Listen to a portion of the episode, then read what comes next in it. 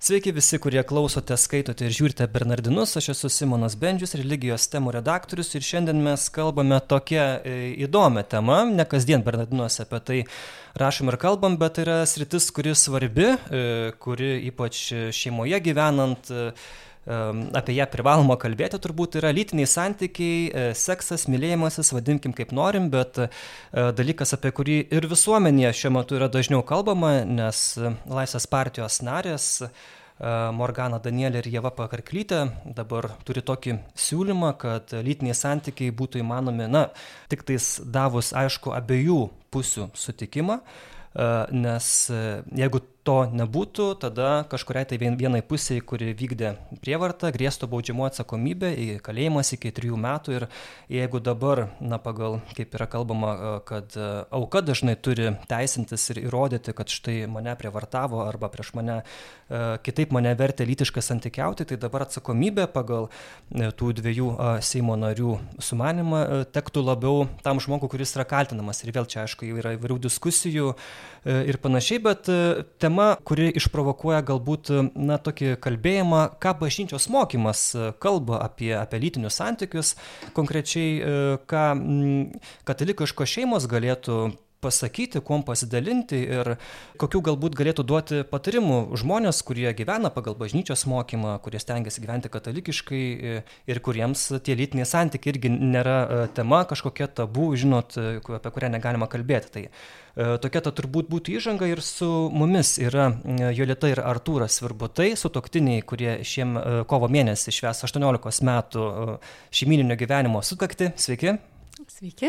Gerą dieną. Ačiū labai, kad atėjot, kad tok, tokiai temai pasirašėt. Iš tikrųjų, na, ką tas binčios mokymas kalba apie lytinius santykius, turbūt nedažnai mes galim kalbėti ir išgirsti, bet vėlgi tai yra būtina kalbėti tema ir Abu du, Jolita ir Artūras, dirba Vilniaus arkiviskupijos šeimos centre. Artūras yra sužadėtinių programos koordinatorius, veda užsiemimus, skaito paskaitas, o Jolita dirba taip pat šiame centre administracinį darbą ir taip pat kartais veda kursus sužadėtiniams. Taigi turi daug įvairios patirties su įvairiom e, jaunom porom, tai tikrai, aš manau, bus didžiulė pridėtinė vertė e, šitas mūsų pokalbis. Taigi, pirmiausia, gal toks pusiau jokais klausimas, bet jūs abu prieš lytinius santykius turit kažkokią tai, na, susitarimą, kad štai paklausti vienas kito, ar tu nori, ar nenori. Čia buvo, aišku, daug tokio juoko, e, kai buvo e, apie tą siūlymą Seimo narių išgirsta, kad vos ne čia reikės raštiško sutikimo, vos nesutarties su anspaudais, bet, aišku, šito nesiūlo Seimo narės, bet e, kaip jūs, kaip jums patiems tais, tais sutikimais būna ar nesutikimais? Na, kažkaip kaip ir neturim nei raštiško, nei notariško įgaliojimo irgi nepasirašę. Iš kitos pusės irgi taip tikriausia keistai atrodytų, kai stros akimirką aš pradėčiau klausinėti, ar galiu tave apkabinti per liemenį, ar galiu dabar pabučiuoti tau į pausį, ar galiu paliesti mm. tavo kažkuria kūno dalį. Tai taip, kažė, ar ta aistra taip toliau vyktų procese, tas, nu, taip, sąžininkai, nežinau, kokia būtų Jolitos reakcija, jeigu sakyčiau, ar, gali, ar sutinki, kad aš dabar. Tai vad, ir, o šiaip jeigu žvelgiam ar ne, na, tai bet kokiu atveju, na, tie lytiniai santykiai neatsiranda iš kaip, ats, kaip atskiras talčius, kaip atskira dalis, kuri nesusijusi nuo bendro viso, nuo, nuo bendro gyvenimo konteksto, ne, toj vietoje. Jeigu kažkas įsivaizduoja, nori, galvoja, tai jis pradeda inicijuoti, jis žvelgia, žiūri, kokia kito reakcija, kaip... Tvarko namus, ten žodžiu. Na, tai taip, nu, tai reikia, taip. Kai išgirdau apie šitą įstatymą, tai tikrai pirma reakcija buvo, kad tai tikrai yra, na, kažkoks tai humoristinis juokelis, nes tikrai net negalėjau patikėti, kad apie tai yra rimtai svarstoma, todėl kad kai myli kitą žmogų ir ypač kai tu tokiesi bažnyčioje ir duodi priesaiką bažnyčioje, tu sakai, kad tu save dovanoji. Tai aš tai žiūriu, kad, kaip ten juokauja, kad vyras pasakė vieną kartą, kad myliu ir reiškia, kad daugiau neklausinėk, nes jau kažkas pasikeis, tai aš pranešiu. Tai šiuo atveju į tuos lytinius santykius iš tikrųjų žiūriu gana paprastai. E, tiesiog mes esame vienas kūnas ir kai bažnyčioje pasakiau taip, aš save dovanojau. Tai Tai aš žiūriu tai kaip tiesiog dviejų asmenų tą bendrystę ir tos bendrystės išraišką. Mhm. Bet nebūna, kad tarkim, kad vienas nori, o kitas nenori, tada kaip su to dovanojimu, ar ne, tu dabar, negalėtum sakyti, kad va, dovanok dabar mane, tugi pažadėjai, žinai, o ten žmonai galvas skauda arba, arba ten kitos būna, tiesiog, nu, nenori. Taip, tai šituo klausimu, šitą temą tikrai, kaip ir pradžioj pastebėjot, nėra lengva mhm. ir, ir tapsime pasiryšti tą temą, kalbėti tikrai yra sunku, bet kadangi mes kalbame su jaunai žmonėmis ir su sužadėtiniais, viena iš tų temų ir yra būtent apie lytinius santykius, todėl mhm. kad žmonės pasikalbėtų apie tai ir kad, na, nebijotų vienas su kitu pasikalbėti, ne kažkur garsiai, oficialiai. Tai va, tai kartais va, tie klausimai, va, kaip, kaip jūs sakote, ir iškyla. Ar čia aš privalau mhm. tuos lytinius santykius čia, kai kažkas užsimano, ar moteris, ar vyras, kaip čia yra ir taip toliau. Sako pareiga. Pareiga ne? kažkokia, ar ne? Tai e, kažkaip yra daug įvairių gyvenime situacijų ir, ir mes kaip sutoktiniai ir, ir visi kiti žmonės tiesiog turbūt supranta, kad visi mes nesame mašinos, kad esame žmonės, kad yra įvairių situacijų, pavyzdžiui Moteris neseniai pagimdžiusi, ar ne? Ir tikrai jie yra ne, nelytiniai santykiai, galvojo, jinai nori išsimiegoti. Vyras, kuris yra pavargęs, nes vairavo visą dieną, atvairavo ten fūrą iš kažkur iš mhm, Norvegijos mhm. ir taip toliau, o ten moteris, ten po manikiūrų galbūt laukia to vyro, bet jisai tiesiog irgi nori palisėti. Ir aš turėjau vieną tokį atvejį savo praktikoje, kada jauna mergina, nes pasižiūrėjau, kiek, kiek, kiek jį metų, net pasidomėjau, jinai dalinosi, vat, būtent, kad jinai norėtų dažnesnių lytinių santykių, o vat, atvyras nenori. Kaip keista, atvirkščiai atrodo dažnai. dažnai Taip, būna, tai mes ja. girdim dažnai, tai, tai aš irgi ganėtinai nustebau. Ir tada pasidomėjau, kuo užsima tas vyras ir kas yra jinai. Aha. Ir taip aiškėjo, kad jinai tiesiog namuose, namuose gyvena, tvarko namus, namų šeimininkė ir net vaikųčių dar jie neturi, o jis yra statybininkas. Mhm. Ir tada kažkaip mes pasikalbėjom kartu, nes jie iškėlė tą temą, nes kiti nebūtinai mums iškėlė tą temą, jie tarpusavį pasikalba mhm. tą temą, ar ne? Tai iškėlė tą temą Ir tada mes pasikalbėjom, kad iš tikrųjų nuovargis ta paprasčiausia priežastis yra, kai visą dieną atnešioji plytų kalnus, tai tikrai norisi tiesiog ramiai palsėti, o ne todėl, kad kaip jinai mane, kad galbūt jisai galvoja, kad jinai nepatraukli ir taip toliau. Tai tiesiog buvo paprasta tokia vat priežastis. O išsprendė tą problemą kažkaip, ar pakeitė darbą vyras, ar, ar kažkaip nusiteikė, ar kavą gėrė, ten grįžęs namo. Tai, kaip sakant, iš mūsų pusės mes sudarom sąlygas pasikalbėti tą mhm. temą, ar ne, nes jie nebuvo apie tai pasikalbėję, jinai tiesiog pyko, galvojosi, čia per sužadėtinių kursus Taip. tai buvo. Mhm. Tai jie pasikalbėjo ir, na, bent jau mes kažkaip vat, pakalbėjom apie tai, kad jį reikėtų pagalvoti apie savo savivertę, apie savivertės tą tokį stiprinimą, ką aš galiu padaryti, kuo aš galėčiau užsiimti ir, o kažkaip ir suprasti daugiau savo tą sužadėtinį, kad iš tikrųjų žmogus yra pavargęs ir kad gyvenime gali apsiversti tą situaciją, mhm. nes irgi susilauks vaikučių arba išeis į kažkokį sunkų darbą ir reikės tada ir jai daugiau polisio. Mes pakalbėsime apie tą e, katalikišką seksą, čia kabutėse, ne kabutėse išsameu, bet e, grįžtant dar e, prie to įstatymo, na, to juodraščio, kurį berot šią savaitę pasiūlė Seimo narės, tai kiek ta problema aktuali iš tikrųjų yra seksualinė prievarta šeimose, kiek jūs galbūt patys tenka jums girdėti ar kalbėti su žmonėm, ar ne. Aišku, tas klausimas Ar čia toks įstatymų projektas, ar jis čia padės, nepadės, tai irgi įdomi jūsų nuomonė, bet e, kiek apie tai reikia kalbėti jūsų manimu? Nu, vienas iš tų klausimų, ką kol kas jos pačios teikiančios tuos pataisas ar įstatymus e, Seimo narės akcentuoja taip, kad na, yra labai mažas procentas. Lyginant su, pavyzdžiui, smurto artimoje aplinkoje, tai va, lytinių nusikaltimų ir lytinės prievartos ten yra siaubingai mažas procentas ir jos akcentuoja, kad tai yra slepiama ir apie tai nekalbama. Mhm. Tai jeigu žvelgiant iš tos pusės, tikėtina, kad yra tas procentas ir kad tikrai, kadangi tai yra labai asmeniška, ne intimi, tai ne genitalumo prasme, bet iš tikrųjų siaubingai asmeniška ir siaubingai žaidžianti ar skaudinanti tema, tai tikėtina, kad yra tam tikras procentas, tų nusikaltimų, kurie egzistuoja ir jie nepakliūna į viešumą, nieks, nieks apie juos nekalba. Ir, ir žinoma, jeigu mes žvelgtume iš tos pusės, ne, tai tikrai reikia spręsti problemą. Tai iš tikrųjų reikia padėti žmonėms ir po to ten yra daugiau, tik tai skysta, kad jau nebe jų pačių, bet jau ten toliau kiti žmonės komentuoja, pateikinėja argumentus. paaiškina, kodėl tai yra nerimtas įstatymas arba kodėl tai yra geras įstatymas. Tai ir jeigu mes pasižiūrėtume, net tos pačius pareigūnus linksniuoja, kad vat, jie neatsakingai, nedėmesingai padeda toms nusikaltimo aukoms. Mhm. Tai iš tikrųjų iš tos pusės, tai jeigu būtų tokia iniciatyva su pagalba, tai žinoma, Žinoma, aš, pavyzdžiui, puikiai suprantu, lygiai taip pat, kai kokie nors psichiatrai, jie vaikšto į supervizijas ir kitokias intervizijas ir kitas savitarpio grupės, kad nematytų vien tik vaikščiojančių patologijų gatvėse. Arba tie patys egzorcistai irgi vaikšto, nu tam, kad nu, nematytų vien tik apsėdimų mm. visur. Lygiai taip pat tikriausiai ir pareigūnai, kurie dirba super sudėtingom situacijom ir labai ypatingom ir jie nuolat susiduria su tą blogąją, negražią gyvenimo mūsų pusę ne su, ne su, ne su gėlėm, ne su rožiniais atvirukais, bet su, su visa ta juodąją pusė. Ir jeigu jie nuolatiniai nuolat būna tokioje situacijoje, tai žinoma, jiems lygiai taip pat kaip tiem patiems psichiatrams, psichologams, egzorcistams, irgi reikalinga pagalba jiems pamatyti kažkokią nu, šviesą tame visame purve. Ne? Ir jeigu būtų kažkokios priemonės, tai žinoma, tai yra labai gerai.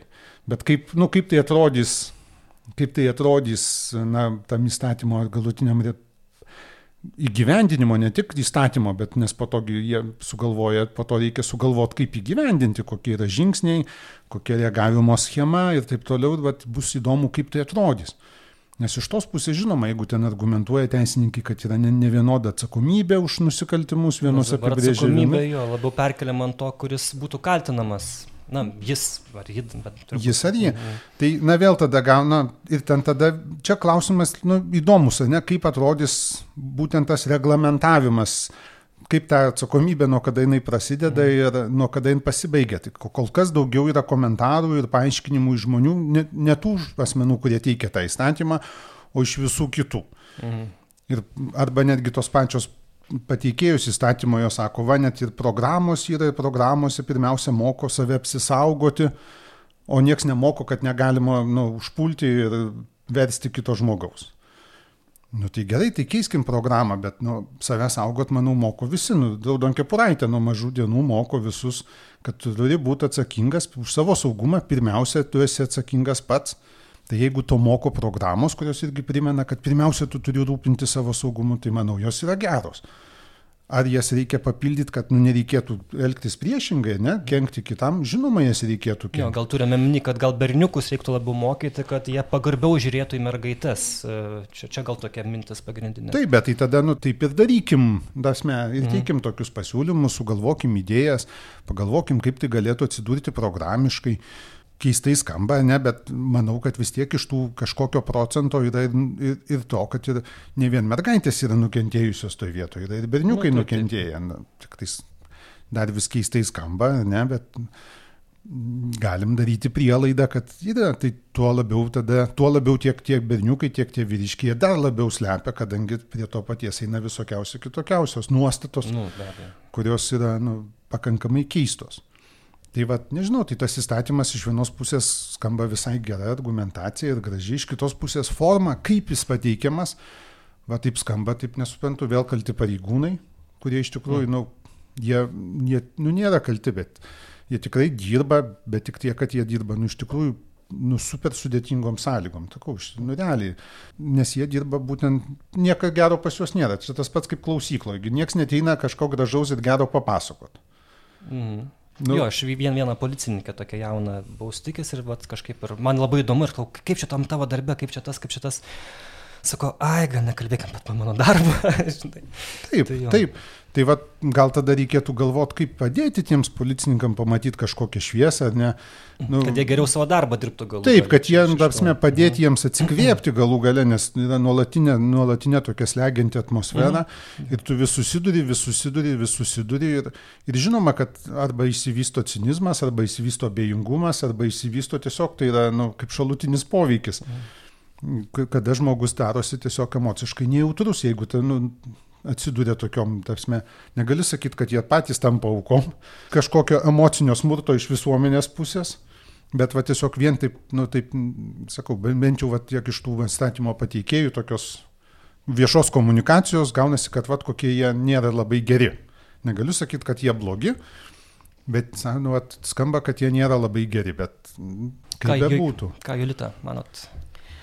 ko, kas tikrai nutiks, tai tikrai padaugės skundų. Tai kaip vat nuo to apsisaugos ir, ir teisės sauga, ir policija, todėl kad jau dabar, vat, pavyzdžiui, kartais sužadėtiniai pasakoja, kad ten draugavau, vaikinas draugavo su mergina. Tiesiog jie gyveno kartu ir taip toliau. Po kiek laiko vaikinas pamatė, kad tiesiog nebenori tų tęsti santykių ir tiesiog paliko merginą. Tai daug buvo tokių situacijų, kad ten mergina ir brovėsi atgal, žodžiu, į būtą ir persekiojo jį, ir persekiojo tą kitą jau merginą, kuris susirado ir rašinėjo tris metus meilus ir į darbą jam ir taip toliau. Tai, tai tikrai yra tų daug tokių vat istorijų ir pavyzdžių, Tai aš galvoju, kad kaip tada vat, bus su, su, su, su ta visa kryptim nesutikimas, ką reiškia sutikimas. Tai jeigu žmonės nuėjo į barą po darbo ar ne tenai, darbdavys ir kokia nors, taip sakant, darbuotoja išgėrė nemažai, padaugino ar ne, grįžo namo, turėjo santykius Ir po to, kaip sakant, jeigu mergina pareikš kažkokias tai teisės va tam darbdaviui, kad, na, nu, aš tiesiog nedaviau sutikimo ir taip toliau. Tiesiog nebuvo apie tai kalbėta, nes tai vyko natūraliai, spontaniškai, mhm. vyriškis pasakys ir, ir taip toliau. Tai kaip, kaip, kaip tokie reikalai bus tvarkomi? Nes... Darbdaviui gal bus sunkiau, nes čia jau galios pozicija jau bus e, turbūt. Taip, na, taip, galbūt... tai tada va, galios pozicija mhm. ar alkoholis jau įsipainios, tai reiškia, kad jau, jau tada tam vyriškiai... Bet nebūtinai gal gal darbdavys, aš įsivaizduoju, kad tarkim šiaip du, nu, studentai, Taip. ne, išgeria, nu, girti, Taip. ne, ir turi tą vienos nakties nuotykį, atsibunda ir te, Diezu, ką aš čia padariau, abu du, ir vienas kitą kaltina, kad tu mane čia nugirdai, ne, tai tu mane čia suvilioji ir kaip tada išsiaiškinti, kuris čia, kuris čia to sutikimo nedavė, ar ne kas čia labiau tą naudojo spaudimą. Tai turbūt tokių irgi būna atveju. Tai taip, tai tokių, kaip sakant, tokių situacijų tikrai yra nemažai ir po to žinom ir, ir ten ir laukėsi, mhm. ir, ir tada įvairiai sprendžia, ten vieni tuokėsi, kiti atvirkščiai bėga vienas nuo kito nuo atsakomybės, o kai čia dar tokia galimybė pasitaikys pasinaudoti, tai taip sakant, tikrai, tikrai tų istorijų labai stipriai padaugės, todėl čia tas vat, sutikimas ir yra toksai nukabantis dalykas, jisai visiškai yra neapibrieštas, mhm. nes kai yra kažkokie nu baisus išprievartavimo atvejai ir taip toliau, tai aišku, tada yra sureguliuota ta visa teisinė kažkokia bazė, ten įrodymai renkami ir per, nu, per tai viskas sprendžiama. Taip mes galim diskutuoti, kad galbūt tos bausmės yra per mažos, mhm. ar ne, kai jau yra rimti tokie mano nusikaltimai, visuomenė gali teikti kažkokius pasiūlymus, taip toliau, bet Čia lygioj vietoj, taip sakant, iškeliamo, kaip sakau, turbūt visi su, sucinka su tuo, kad šiuo metu Lietuvoje yra daug, daug, daug problemų ir ekonomikai, ir, ir šildymas, ir visa kita. Ir staiga kaip dūmų uždanga pakyla tokia tema, kad reikia duoti kažkokį sutikimą ar šeimoje, ar poroje, ir taip toliau. Tai man atrodo, kad čia tiesiog irgi gali būti toksai piarinimas. Ar sutiktumėt su kai kurių žmonių nuomonė, kad na kuo toliau tuo labiau atrodo valstybė kišasi į tokią privačią erdvę ir kad na, seksas iš tokio malonaus dalyko, gražaus, smagaus ir viso kito gali tapti tokiu, na, kaip čia pasakyti, įtampos tokiu žydiniu tarp vyrų ir moterų, kad štai aš kažką čia netaip padarau ir štai jau už tai susilauksiu blogų pasiekmių ir, ir ten baus, bausmių, baudų ir, ir panašiai, kad tokia, na, priešiškumo tam tikras tarp vyrų ir, ir moterų mm, įžiebimas keliamas. Ne, nu panašu, kad taip, bet nu, čia tada jau mums reikėtų išeiti, išeiti kur nors į didelės ekskursijas, peržvelgti moterų išsilaisvinimo judėjimą, feminizmą, ten lyčių vaidmenis ir bla bla bla. Daugybė, daugybė tasme gaunasi, kad šiaip iš principo nelytiniai santykiai yra nu, kaip ir asmens gyvenimo dalis. Ne? Tik tiek, kad dabar šiai dienai tie lytiniai santykiai nebėra. Jie lytiniai santykiai, pažiūrėkit, seksas, kaip sakė, iš visur, ne? Nu, tai. Iš kiekvieno lygintuvo, apie telefoną, nu, tas mė jau nebėra ką šnekėti, ne? Kaip tą patį visi ir šneka, kaip tik tais atsiranda įvairiausios tas išraiškos lytinių santykių, ne, kaip ten sakė, kaip tik tais pradėjo atsirado mobilusis telefonas ir kaip tik tais atsirado pornografija skirta, kurią gali žiūrėti mobiliam telefonė, tai ekranai iškart padidėjo mm. telefonų. Ir iš karto, tai toj vietoj, nu, tie lytiniai santykiai visokiausiam formom, ar ne visuomenėje, kur naudojami, jie, jie va, labai įdomu, va, toks tuo pat metu lyg ir visuomenė kalba apie išsilaisvinimą ir lytinių santykių funkcijos ir visokių kitokių galimybių pakeitimą. Iš kitos pusės visuomenė staiga pamato ir valstybė pamato, kad tas beprotiškas įsilaisvinimas jis turi ir pasiekmes. Vat, kad pasirodo, kad lytiniai santykiai nebėra vien tik tais dviejų žmonių reikalas, kuris teikia džiaugsmą, malonumą ir, kaip sakant, pakontaktavom tam tikrais organais ir patenkinti visi įsiskystėm. Mhm. Kad kartais pasirodo galima naudoti, išnaudoti ir piknaudžiauti. Nu, tai ką vat, kažkada vat, visuomenė jau žinojo nuo senovės, tūkstančius metų žinojo, kad, kad yra labai jautri tema, kad yra nu, ypatinga tema. Ir tiek netgi pati visuomenė, kultūros, tautos, apsme, jau nekalbant apie įvairių kokias nors religijas, stengiasi duoti gairias ar ten nu, stengiasi perspėti, pasižiūrėti ir padėti sukontroliuoti, kad nepaleisti nevaldomai, ir, nes, nes matė, kad tai yra nu, tikrai tema, kuri be to proceso malonumo ir džiaugsmo dar yra ir, ir kiti šalutiniai dalykai ir visokios pasiekmes. Tai va, toj vietoj vat, valstybėm, gal, gal tikriausiai nu, mes ateiname iki to, kai jau visuomenė po visų sekso revoliucijų ir perversmo ne, ateina iki išlaisvėjimo ir, ir išlaisvėjimo ir tada jau verčiasi jau į kitą pusę, kai pamatė, kad jau vis tik tais čia kaip su ta revoliucija 26, ar ne, Sovietų sąjungoje, kai atšaukė šeimą, panaikino viską ir, ir paleido ne, nežabotus lytinius santykius ir įvairias šeimos formas. Paskui greit vėl viską. Bet tai už... uždarė todėl, kad parėjo pasiekmes kad mhm. išplito nevaldomai lytinių kelių plintančios lygos, daugybė našlaičių, pamestinukų ir daugybė įskaudintų ir sužeistų žmonių ir valstybė pamatė, kad, kad tai iš tikrųjų tapo problema, inovacija tapo problema. Tai galbūt jau valstybė vėl mato, ar ne, arba mato, kad e, jeigu visai paleidė ir nebelieka jokių saugiklių, tada tampa problema. Ir tada valstybė taip kaip gali, o valstybė pirmiausia kišasi, kaip ten liūdnai beskambėtų, kišasi policiškai. Jis arba draudžia, arba skatina. Mhm. Tai toj vietoje jinai nu, kažką pradeda drausti ir bando reguliuoti. Ir taip, vat, taip ir taip vat, valstybė pradeda keltis, keliauti į lovas su įstatymais, notariniais, kaip sakė, kaip visi juokauja, nesutikimais. Ar ten galbūt nebūtina pas notarą dabar. Ne, notarinių tai, tai ne. Per paslaugas elektroninėsgi gali gal, įgaliojimą parašyti, gal galima. Ar ne, ir šitaip valstybė pradeda keliauti, ar ne, iš vienos pusės paskata labai gera, nes pamato pagaliau, prasme, mm. žmonės mato, kad tai yra nu, labai ypatinga tema ir toj vietoj ir stengiasi kažką daryti, stengiasi apsaugoti Nes tikrai yra, yra žmonės, tikrai yra, sakau, tas procentas, kai žmonės, kurie susiduria su išnaudojimu, su prievarta ir būtų naivu užsimerkti, sakyti ne, ne. Mm. Ne, ne, ne. Bet vėlgi ta, grįžtam, kaip tai, kaip tai atrodys, kokiu būdu ir kaip tai valstybė reguliuos, ar ne? Va čia ir tada visi tie pokštai, lėkšti komentarai, nu, tiek iš Seimo tribūnos, tiek, tiek žiniasklaidoje remiasi tuo, kad kol kas žmonės na, žvelgia ir bando įsivaizduoti, kaip galėtų atrodyti tas reguliavimas, kaip ta valstybė lys į tą žmonių mhm. santyki.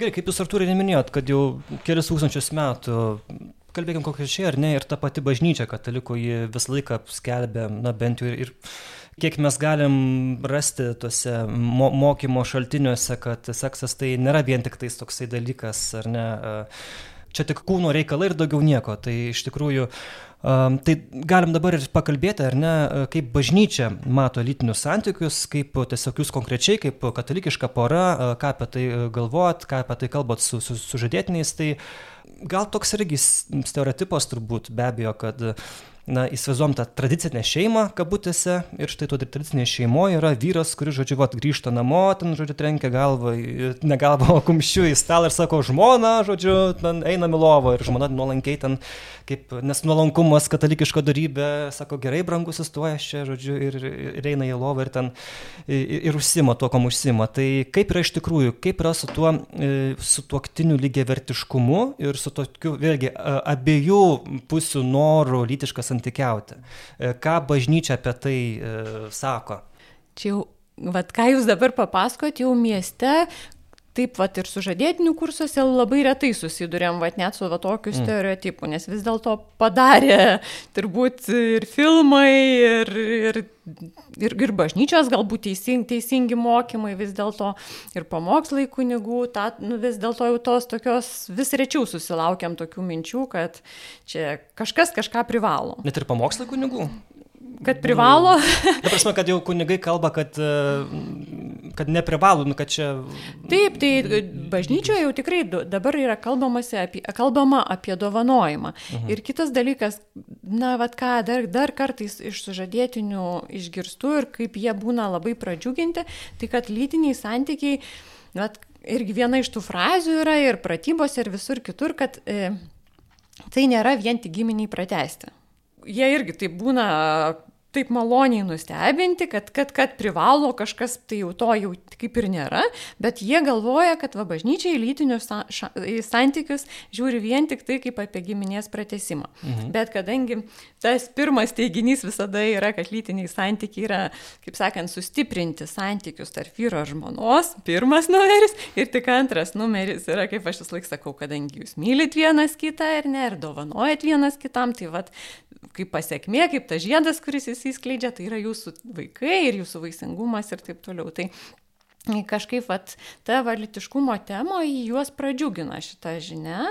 ir kai kurie sako, va mes ir katalikiškas mokyklas baigėm, bet kad va taip va bažnyčia gal drąsiai, nes vis tiek čia, tas sakau, ta tema nėra lengva, nes ir mhm. kunigai, ta prasme, jie jaučiasi, kad, na, kadangi mes gyvenam celibatinį gyvenimą, tai mes, nu, nelabai turim teisę kaip ir šeimai kažką pasakyti ir jie tada žiūri į mus, šeimas, kad maždaug jūs gal galit kažką papasakoti, o vis tiek, kaip Arturas minėjo, tai yra tikrai asmeniška tema ir, na, tikrai nėra lengva tą temą kalbėtis. Na, bet kunigai bent jau galėtų žinoti, kad būtent tą dalyką, kad lytiniai santykiai ten nėra vien tik giminiai pratesti, kad, kad nuramintų tas kitas šeimas, kurios galbūt ateina ir ten godžiasi ar ne. Tai taip, tai va tą turbūt reikėtų labiau labiau mhm. akcentuoti, nes, nes tikrai žmonės tai pradžiugina. Bet meilė yra pirmoji pačioje vietoje ir tik iš po to išplaukia jau, jau vaikai ir... ir taip, tai vad, kad, kad jie būtent vaikai ir yra sa, sa, santokos saugotojai, mes taip vadinam, ir, bet, bet esmė yra, kad iš tikrųjų yra šeimos, kurios na, negali, pavyzdžiui, susilaukti mhm. vaikų čia, ar ne, tai kaip tai tada galima žiūrėti, kaip čia tada ta santoka tokia tuščia, ar kaip, ir kaip tada, ką to, tokioje situacijoje daryti, tai va, tai Ir ji nėra tuščia. Tai vad, būtent, kad jinai visiškai nėra tuščia ir kad tie lytiniai santykiai būtent sustiprina vyro ir moters santykius. Ir čia, na, nereikia būti, kaip sakant, psichologų. Čia iš tikrųjų, aišku, kad, kad kaip, netgi apkabinimai tie patys ir taip toliau, kokią įtaką mums daro ir nestiprė, tai lytiniai santykiai, aišku, kad susaisto mus tikrai labai stipriai, todėl ir, ir bažnyčia kalba apie tai, kad reikėtų šeimoje mylėtis šeimoje, visą tai daryti, todėl kad, na, tie lytiniai santykiai tikrai su kitu žmogum tave labai susaisto. Netgi e, šitoj Amoris Leticija enciklikoje popiežius rašo, kad yra gerai, e, kai turite enciklį ir pabučiuoji savo žmoną arba savo vyrą. Vat jau, netgi skatinti, kokią mes esame situaciją, kad netgi turi popiežius skatinti jaunas šeimas, kad, žodžiu, romantiškai e, gyventų, na, ne tik jaunas šeimas, visas šeimas. Tai, tai galim sakyti, ar ne, tokį irgi sugriauti tokį stereotipą galbūt, kad lytiniai santykiai tai nėra vien tik tais giminės pratesimas, bet tai yra, tai yra meilė, tai yra stiprinimas santykių ir būtent netgi ragina tą daryti bažnyčia, kas turbūt gal daugam dabar šoką sukels, ar ne, kas, kas girdės.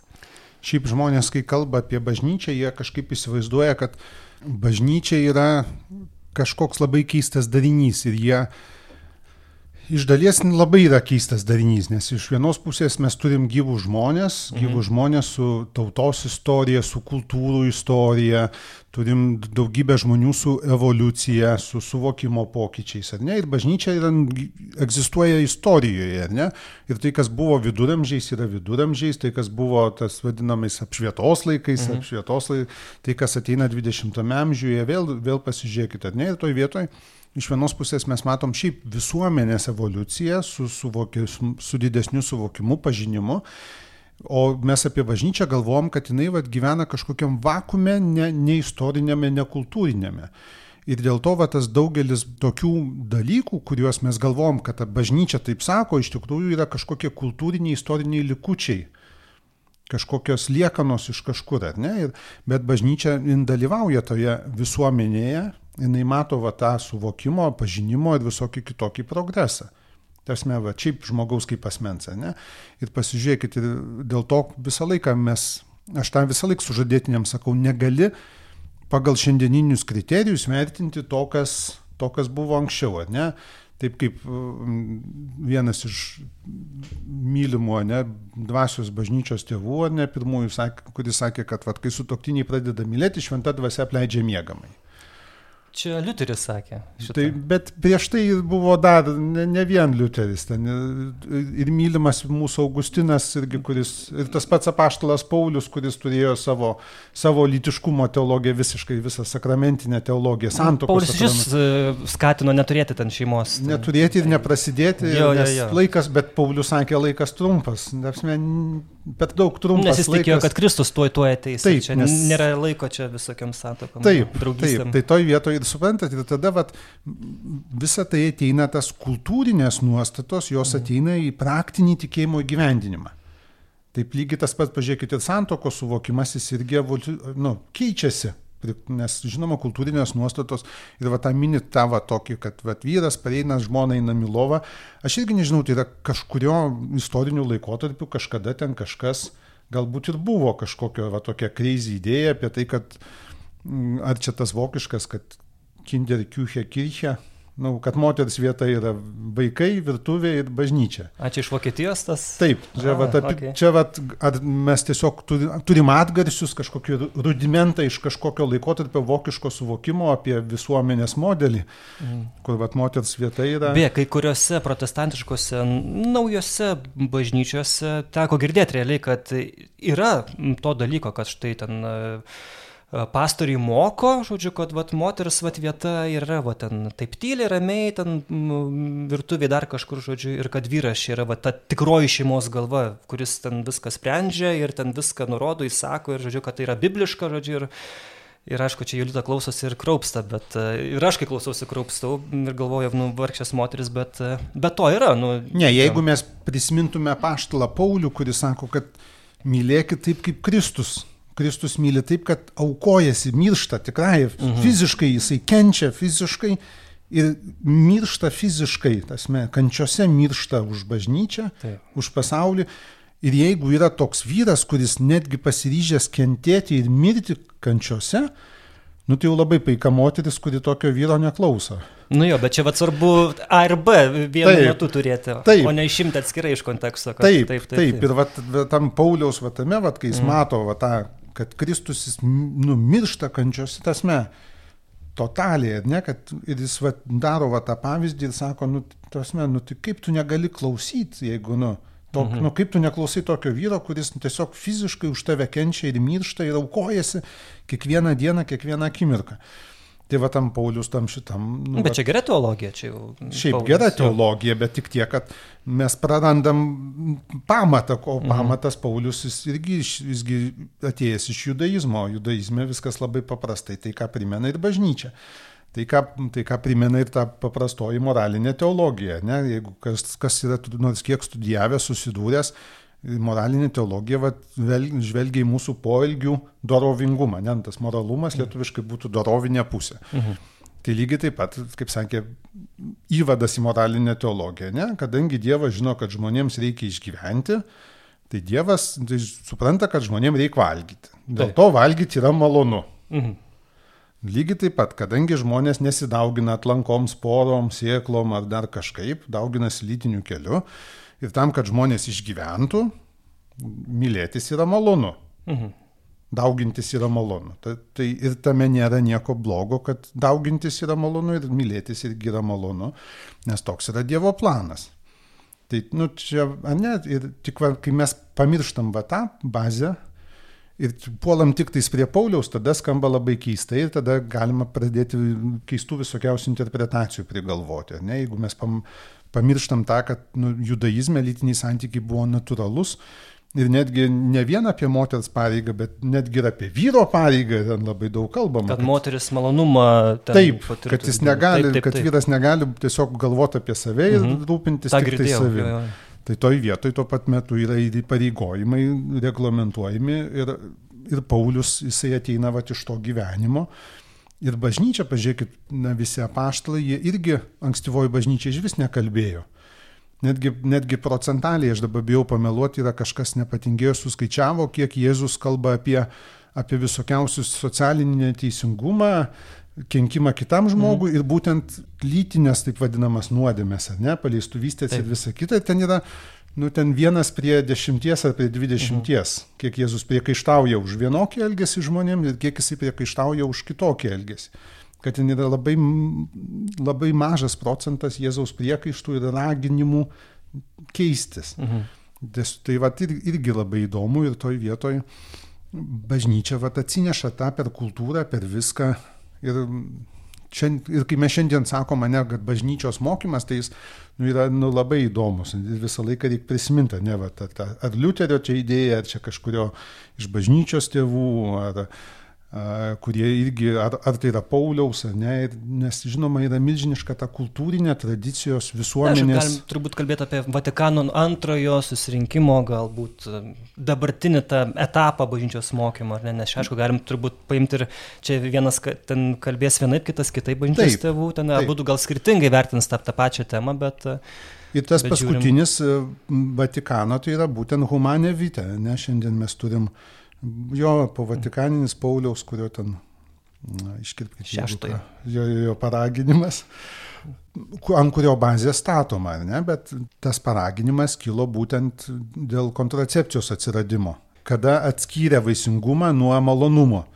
Šiandieninė, va, jeigu aš taip mm. trumpai dar pabaigsiu, nes šiandien yra dvi bažnyčiai tradicijos. Viena remiasi Jono Pauliaus antrojo kūniškumo teologija, tą pradėtą, ar ne, ir tą taip ir vadina kūno teologija. Taip kita remiasi uh, seksologija. Šiandien yra dvi tradicijos bažnyčioje ir aišku, vieni į kitus žvelgia skeptiškai, nes lygiai taip pat, ne, kaip psichologijoje yra srovės skirtingos, mhm. skirtingos mokyklos, mes irgi dažnai įsivaizduojam, kad bažnyčios mokymas yra kaip silikatinė plyta bet iš tikrųjų jis yra, na, jis nėra kaip silikatinė plyta, net ten telpa labai daug nuomonių. Paaiškinkit dabar, hai, kaip suprantat kūno teologiją Paulių, šią, Jono Paulius II ir seksologiją. Čia mes labai giliai dabar šnekam, bet čia labai įdomi tema yra čia. Na, vien žvelgiant iš teologinės perspektyvos ir gražiai žodžiais iškilmingai ir stengiasi nesubanalint, uh mhm. nes va, taip, kad, nu, pažiūrėkit, bažnyčios oficiali informacija, oficialus mokymas apie lytinius santykius, jisai visą laiką skamba taip kaip poezija, aukštai. Taip, gėris, meilės išaiška, ten trejybė netgi dalyvauja tame, nes taip. santykiai, meilės ryšys, va, šitas dalykas. Jau. Taip, taip, švenčiausios trejybės asmenų imanencija, ar ne, ir va, tokiniai, kurie mylisi. Santokinio akto koncelebravimas. Koncelebravimas, ar ne? Ir tada žmonės atėjo, nu, negali sakyti, eiliniai tikintieji katalikai, ne, nu, bet apsme, žmonės be teologinio išsilavinimo, jie pasižiūri ir jie bando suprasti, apie ką čia eina kalba mhm. ir aišku, kad tai yra neįmanoma suprasti, kas. Nu, nu, reiškia... realiai kalba apie seksą kaip šventę šeimoje. Bažnyčios mokymas, šitas būtent kūno teologija. Taip, taip. Ir tada vat, ateina truputį kita mokykla, kuri sako, žiūrėkit, Euharistija irgi yra kaip šventė, kaip celebravimas, bet man patiko netgi ir vieno kunigo, sako, bet nu iš tikrųjų būna tokia Euharistija, kada tu, nu, kaip, kaip tai keistai arba negražiai beskambėtų, nu nėra tau nei šventė, tiesiog eilinis eilinis sumuštinis. Mhm. Kartais būna, kad gyvenime tu esi tokiam etape, kai sudėtinga ir tu supranti, kad tai yra vaduona, kuri palaiko ir kad tu nejauti šventės ir ypatingo, va, tiesiog valgai duoną, va, tą, kurie tiesiog kad tau, gyventum. kad tu gyventum. Jo, jo. Ir tu nejauti to paties. Tai sako, lygiai taip pat aš jaučiu, kad kad gali būti, kad yra poros, kuriem va, tas lytiniai santykiai netampa celebracija, mm. bet yra nu, va, tai, kas palaiko. Nes Taip. jie, kaip jis sakė, jie kūrė meilę, jie ne tik išreiškia meilę, bet tą vat, labai svarbu. Ne, ir vat, ką Jolita minėjo, kad lytiniai santykiai, jie kūrė ir išreiškia, išreiškia ir būtent kūrė pačią meilę. Ir tą mums, tą mums biologija sako, nes mylintisgi įsiskiria visas ten kokteilis chemijos. Mm. Nuo hormonų, kurie ryša, kurie teikia džiaugsmą, malonumą ir visa kita. Mes nu, gaunam milžinišką kokteilį chemijos ir kuris ir kūrė, net tas pats oksitocinas, kurį gaunam labai dideliais kiekiais, irgi mm. mylintis, ir, vadinasi, jis ryšio santykio, ir jis kūrė santykį. Dėl to, pavyzdžiui, irgi vat, viena, viena iš tokių momentų, ar ne, vat, kad kartais žmonės netgi įklimsta į, į santykius, kurie yra veda į aklygatvį, bet jie, bet jie nuolat laikomi chemijos, jie nuolat laikomi paskolų, būties, vaikų mm. galbūt ir jie mato, kad santykiai iš tikrųjų nu, nėra tokie, kokie turėtų būti, bet, jie, bet viskas aplinkui jos uždaro į tokią situaciją be išeities. Tai va toj vietoj tas lytiniai santykiai yra ta milžiniška jėga ir bažnyčia tą ir primena, kad yra milžiniškas gėris su milžiniška jėga, ne tiek jėga tiek, kad netgi jinai kūrė. Ir toj vietoj va tas Antroji ta mokykla. Seksologija, kaip jinai, sakot, jinai žvelgia į seksologiją, kur seksologija mes irgi, kaip ir psichologija, bet seksologijoje irgi daugybė mokyklų. Ir, bet seksologija, jinai, jinai remiasi psichoterapija, Ten yra mažas procentas fiziologijos, seksologijoje, ten 70 procentų yra psichoterapijos. Visi dažnai galvoja žmonės, kad seksologija tai yra pasiūlymas pakeisti pozą arba apsukti čiūžinį kitų galų. Bet seksologijos klausimas labai paprastas. Ką mes, ką mes privalom arba galėtume pagerinti? Tai va toj vietoje 70 procentų iš visai eina psichoterapijos seksologijoje. Mm netgi ne kažkokio pratimai, mankštos ar dar kažkas. Bet tai šitie du požiūrėjai nesikerta vienas su kitu, atrodytų, nes... Atrodytų, bet... Nes tu gali ir katalikiškoje šeimoje galvoti, kaip čia pagerinti tą mūsų lovos gyvenimą ir ten... Taip, bet tada, suprantat, prasideda tai, kad kadangi tai yra celebravimas ir nu, tada vat, yra žmonės, kurie sako, nu negalime tiesiog tai banaliai nuleisti kartelės iki, iki primityviai pozų, technikos mm. ir įgūdžių. Tai turėtų būti gražu, iškilminga ir visai kitaip. Na, nu, bet iškilminga ne ta prasme, kad čia, žinai, vargonai groja, ten... Nu, smilkalai. ten kalba iškilminga prieš, ten dabar aš tam brangioju. Nu, ne, nu taip, nu, kaip, kaip, kaip šitas meldėsi prieš. Dabar aš imu savo giminaitę ne iš gašlumo. A, šitas, taip, taip. Jo, jo, jo. Tobijas. Ne, tai ir, nu, ir yra va, žmonės, kurie žvelgia šitaip, kad turėtų prasidėti šitaip ir pasibaigti šitaip, o ne nu ten kaip nuo kažkokių banalybių ir, ir, ir šiaip aistros, kurios nu, būtų blogai ir liūdna, jeigu jos nebūtų. Mm. Tai, Tai va toks. Gal ta, tu prasme, kad turite minėti, kad per daug gali tą pačią formą sustelkime, ar ne, kad jeigu dabar čia pakeisiu pozą, tai jau čia viskas bus gerai ir mūsų čia santykiai. Toj vietoj, nu va, toj vietoj tiesiog, šiaip va, bažnyčio irgi va, tai yra tos dvi tradicijos, uh, Ir e, iš tikrųjų turim, pavyzdžiui, ir vienų ir kitų tradicijų atstovų ir labai gerai, ir ypač kai klausėt apie kunigus, ar ne? Mhm. Kunigai irgi gyvena va tokioj, tokiam žiauriai keistam pasimetime, nes tikrai tai nėra jų tema visiškai. Nu, be abejo. Mhm. Visiškai nėra tema, bet žmonės ateina į klausyklą su visokiais klausimais, kurie yra ta tema. Ne, tai svarbu, kad kunigai bent jau nukreiptų ne, į žmonės, kad žiūrėkit, yra va, tokie specialistai, va, ten šeimos centrai, kad nepradėtų nuo savęs kažkokių kalbėti, ten erezijų tikrai, bet kad skaitų, kad, nu, aš neišmanau, sorry, aš negyvenau to gyvenimo, bet yra va šeimos, pasiklauskit. Jau gerai, duokim Jolitui pašnekėti, nors labai įdomu jūs, Artūrai, klausytis, tai Tai supratom, žodžiu, kad galim tokį įsiriškinti, kad vėlgi tai yra abiejų sutoktinių, žodžiu, meilės išaiška ir tai negali būti jokios prievartos vienareikšmiškai, kalbant apie seksą šeimoje, katalikiškoje. O dabar ar yra toks dalykas kaip geras seksas katalikiškoje santokoje? Vėlgi tenka girdėti, kodėl dalis žmonių nesitokia, nu viena iš priežasčių dėl to, kad mes norim išsibandyti save lovai tam, kad žiūrėtumėm, ar mes čia sudaram vienas su kitu ir, ir vat, nes jeigu susituoktumėm, matytum, kad nesudaram, tada ką tada daryti, žodžiu, ir mes taip bandom, išsibandom. Tai kaip, kaip dabar su tuo suderinamumu, su tuo gerumu yra? Taip, tai tas mitas yra.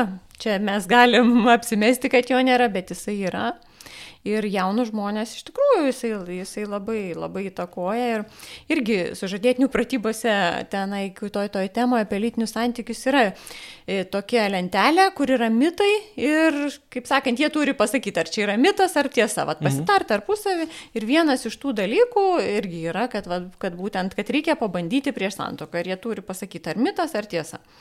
Tai sakyčiau 50 procentų maždaug gal ant 50. Vieni sako, kad, kad taip, kiti ne. Ir, nu, taip sakant, nežinau, ar jie čia remiasi tik savo patirtim, ar, ar, ar tiesiog, tiesiog, kadangi jau sėdi kursuose ir galvoja, kad čia, reikia teisingai kad čia teisingai reikia atsakyti, tai šitą klausimą čia, taip sakant, būtų sunku pasakyti iš tikrųjų. Bet vienas dalykas yra, na, turbūt irgi ką pasakytų ir visi psichologai ir taip toliau, kad tikriausiai lytiniai santykiai kaip jūs sakot, geri ar kaip čia pavadinti, puikus, jie yra tada, kada žmonės jaučiasi saugiai. O kas gyvena, taip sakant, susituokę, arba tai turbūt pasakytų, kur yra na, didžiausias saugumas, kur gali patirti didžiausią saugumą nu, su tuo žmogum, ne tik tai, kurį myli, mhm. bet kur yra ir įsipareigojimas. Tai man atrodo, kad va, tas dalykas iš tikrųjų, kai yra įsipareigojimas, tai tada moteris žino, kad čia yra jos sutoktinis, kad vyras žino, kad čia yra jos sutoktinė. Ir kažkaip tada tas va, saugumas ir sukuria tą intimumą. Mhm. Iš to, man atrodo, tada ir, ir žmonės jaučiasi ir atsipalaidavę, ir, ir patenkinti. Čia, aišku, galėtų, čia, kaip sakant, pakalbėti daugiau ten tie, kaip sakant, žmonės, kurie dirba su tuo, turbūt seksologai ir taip toliau, bet, bet kiekvienam yra aišku, kad kai, kai netgi ir kituose klausimuose tu gali būti atviras, kada tada, kai, nu, kai tu tikrai pasitik iki galo tuo žmogum. Ir, ir jeigu žmonės galvoja, kad, na nežinau, ką čia tas vyras galvoja, tai aš iš vis neįsivaizduoju, kaip moteris gali jaustis dėl to, kad, nu, kai nėra saugumo, kad tiesiog labai net, net, net sunku būtų suprasti iš tikrųjų šitoje mhm. vietoje. Ne, tai kita pusė, ne, be to, be to, ką sako, ne, bijau pameluoti, sociologas Alanas Torkiai, jeigu gerai, jis irgi va, taip ir sako, kad pirmas, nu, bazinis reikalas, kuris reikalingas geriems lytiniams santykiams, yra saugumas. Dėl pavardės galiu klysti, žinot, su užsieniečių pavardėm. O vyrų saugumas tas irgi svarbu? Mes dabar kalbam apie tuos dalykus, kurie yra pasąmoniniai, ne, yra mhm. sąmonė, pasąmonė ir kurie, kurių mes dažniausiai neapibrėžiam, bet manau, kad turi, turi reikalą, ne, turi tą klausimą tam, kad tu galėtum atsiskleisti. Nu čia vėl žiūrėkit, yra du momentai. Ne? Ar lytiniai santykiai yra tiesiog tau galimybė, kaip sakė, išsikrauti, patirti malonumą, uh, ir ačiū, aš jau, nu, ir einam toliau, žiūrim kažkokio kito varianto, ar jie yra, na, kaip sakė, poro šeimos gyvenimo dalis. Nu, pirmu atveju tai tada tiesiog moteris ar vyras yra kaip, nu, priemonė. Realiai, Taip, tiesiog mes tokia. paprasčiausiai susitikom, tau gerai, man gerai, pasantykiavom ir mhm. išsiskirstėm, ačiū viso gero, ne? Mhm. Bet jeigu mes kalbam apie tai, ypač kai su žadėtiniais kalbam irgi, tai lygiai tą patį aš užduodu jiems labai labai nekuklų klausimą. Uh, Ir jeigu klauso kokie katalikai teroristai, jie labai ant mane supyks, bet vis tiek yra nemažas procentas tarp tų porų, kurios ateina į sužadėtinių kursus, jie gyvena kartu. Mhm. Jeigu jie gyvena kartu, vieni nuo du mėnesius, kiti penkis, būna žmonės gyvena septynis, devynis metus kartu, kitol, kol ateina į nu, kursus. Nu, tai. ir Būna šventų žmonių, aš tikrai tikiu, kad jų yra, bet būtų labai naivu galvot, kad jie gyvena kartu devynis metus ir neturi lytinių santykių. Nu, čia jau nešventi, čia nežinau kaip čia pavadinti. Ne, nu tiesiog, nu, jau... nu, aš taip atsip, nu, atsiprašau, kad taip, taip ironiškai kalbu. Kita rasė gal kažkokia. Bet tiesiog pažangesnė. Tiesiog suvaldo visą. Yra žmonių, kurie, kurie negyvena kartu iki santokos, yra žmonių, kurie nesimyli iki santokos, neturi lytinių mhm. santykių. Mm ir tikrai jų procentas yra, tik tai žinoma, jie tam bendram kontekste, jie tada slepiasi, jie neprisipažįsta, jie apsimeta, mhm. nes jiem labai nejauku. Jiem nejauku ir nors nėra priežasties slėptis ir nu, apsimesti ir, nu, ir gėdytis. Bet bendras kultūrinis kontekstas, kuris sako, nu, tai tu skambi kaip atgyvena, ne? nes visi, visi taip daro. Ne? Mhm. Kultūrinis kontekstas sako, visi tuo užsijama. Taip, taip. Ir tada žmonės, kurie to nedaro, jie jaučiasi, jaučiasi nejaukiai. Ir reikia prisiminti, kad toks procentas jų yra. Ir labai gerai, kad jie yra, jie šaunuoliai. Jie labai drąsų žmonės ir, nu, tasme, tikrai reikia juos pagirti ir pasakyti, kad tikrai jie daro, viską daro teisingai ir jie yra šaunuoliai. Bet aš tada kalbu ir su ta publika, kuri, kuri taip nedaro. Ne? Ir jeigu jie gyvena 5, 6, 4 metus, tikėtina, kad jie turi lytinių santykių. Mhm. Ir tada aš jų ir klausiu, sakau, nu gerai, prisiminkit, kaip jūs pirmą kartą mylėjotės, ir taip kaip mylėjotės vat, paskutinį kartą vat, iki to, kai mes dabar kalbamės. Ar yra skirtumas? Ir ką sako? Nu tai jie visi šypsosi, nu, drąsesni linksi. O po to sakau, nes būtų blogai, nu tas nebūtų liūdna, jeigu nebūtų skirtumo. Jeigu kažkas mokėsi grot pieninu, fortepijonu, kanklėmis, smuiku, kuo toliau, tuo vairuoti geriau, dviračiu, jo, automobiliu, mhm. prisiminkit pirmą kartą, kaip jūs atsisėdot prie pienino ir kaip, kaip jisai... Tan, tan, tan. Ir viskas. O kaip tai skambėjo ir jeigu jūs grojot du metus, penkis metus tuo pianinu, gitara, mhm. vairuojat automobilį, dviratį, kaituojat, nežinau, tas motociklą vairuojat, prisiminkit visą laiką pirmą kartą ir prisiminkit. Tai va, toj vietoj pažiūrėkit, koks yra asmeninis pokytis. O čia mes turim prisiminti, kad kaip tai juokingai beskambėtų, tai yra komandinis žaidimas. Mes turim du žmonės. Mhm. Mes turim porą, ar ne? Ir tai va, pats asmeniškai turi kiek įdėti pastangų, jeigu tu nori kažką išmokti. O čia mes turim du žmonės. Tai irgi, va, tai kaip irgi tai kalba ir kolegos, kiti, nu tai po pirmo karto tikėtis ovacijų ir, ir juodo diržo, net ir po mėnesio tikėtis juodo mhm. diržo, ar po metų, nu, irgi tai yra, nu, jeigu vat, su kovos nu, menais lyginti. Tokia, tu tokia žinia, kad uh, kuo toliau, tuo bus geriau, jeigu tik tais norėsi, ar ne. Ir, ir... Taip, nes tai yra mokykla, žmonės mhm. tiesiog, jeigu nori išmokti mylėtis, jeigu nori išmokti atpažinti na, savo vyrą, žmoną, matyti, kas teikia džiaugsmą, kas teikia pasitenkinimą, nu, tai toj vietoj tu pirmiausia vienas tu, tu išmokti atsiverti ir pasidalinti kitas turi išmokti išklausyti ir, nu, ir pritaikyti tai gyvenime. Ne? Tai toj vietoj, va, to yra toks procesas, tai irgi yra etapas, tai irgi yra pažinimas. Nes lytiniai santykiai va čia ir yra, tada jie yra bendram kontekste, jie yra visų santykių dalis. Ir kaip mes vienas kitą geriau pažįstam, kaip vienas su kitam at, nu, išmokstam išklausyti, išgirsti, Jo, kai tu iš, iš pusės žodžio jau pradedi suprasti savo žmoną arba vyrą, tai taip ir lovai realiai irgi. Tu, tu, jau, tu jau žinai, kas jam patinka, kas... kas tu žinai, kaip... Ir jis žino, kas tau patinka. Tu žinai, ir tu stengiasi, tu mhm. supranti. Mm. Nu, tai gaunasi tas, va, iš tos pusės, ar ne, tai irgi yra procesas. Tai irgi yra procesas. Tai, -hmm. va, ir dėl to va, tą visą laiką reikia prisiminti, ne? Kai žmonės sako, va, pirmą kartą pabandžiau ir nu, nepaėjo. Nu, tai, nu taip Aš irgi atsakingai bandžiau, kelis mėnesius bandžiau gitarą groti, nu, nu nepaėjo, ne tai, kad vieną kartą. Mm. O dabar nu, jau. Nu, nepaėjo, ne, aš nepaėjo. Ai, ne. bet aš, nu, turiu tokį pavyzdį, vat, nu, taip, taip, nepaėjo taip. man su gitara. Nu, ne, ką? bet šeimoje, jeigu jau nepaina pirmą kartą, aš manau, tikrai norisi kartoti ir kartoti. Jau, tai, ten, kad, ir tada, va, taip ir žvelgia, ne, taip. ir tada jie, va, aš tą ir sakau sužadėtiniams, kaip tu, nu, kad nu, tarpsme, kad toj vietoj, mm. jeigu nepaėjo, tai nepaėjo, nu, tai nereiškia, kad nu, mes viens kitam netinkam. Taip, tiesiog. Tai yra reikia... normalu, kad nepaėjo, nes du žmonės susitiko ir, ir, jie, mm. ir jie tai, ką jie įsivaizduoja, tai, ką kažkas matė, kažkas, kažkas ką skaitė, kas, ir jie tą bando įgyvendinti praktikoje. Ne? Aha. Ir aišku, kad, nu, vat, čia kaip va, to prie pienino pirmą kartą, va, taip kaip aš įsivaizduoju, turėtų skambėti. Nu jo, kaip tu girdi dainą, jo, iš karto atrodo, kad... Mm. Jo, čia, čia labai gera, gera tokia žinia ir dar mes nepakalbėjom tokio svarbaus momento, Jolita. E, patvirtinkit arba paneikit teiginį, kad e, santokio katalikiškoje reikia turėti vaikų tiek, kiek Dievas duoda. Tai realiai, nežinau, ten 9, 10, 12. Kaip iš tikrųjų yra? Taip, tai e, bažnyčia ir iš tikrųjų kalba visada apie atsakingą tėvystę. Tai čia va, ta, ta tokia žinia, manau, irgi svarbi jauniems žmonėms, kad na, iš tikrųjų tu susilauki vaikų, tu turi pagalvoti, kiek tu, gali, kiek tu, kaip tu pasirūpinsi. Žinoma, kas be ko, yra daug situacijų, kada na, yra neplanuotų vaikelių ir kaip visą mhm. laiką mes pasitikim Dievu ir, ir kas be ko, ir tikrai jisai pasirūpins, jeigu mes prašysim. Bet bažnyčia siūlo poroms natūralų šeimos planavimą iš tikrųjų. Ir tai nėra metodas, kiek Dievas duos vaikų, tiek mes jų ir turėsim. Iš tikrųjų, čia yra mo tikrai moksliškai pagrystas metodas, tas natūralus šeimos planavimas. Jo galima išmokti Na, jeigu kažkas klauso, tai tikrai rekomenduočiau pas mokytojus mokytis, nes yra natūralaus šeimos planavimo mokytojai, kurie tikrai paaiškina konkrečiai apie vaisingas, nevaisingas dienas, todėl kad čia yra paremtas vaisingų, ne, nevaisingų mm. dienų stebėsena.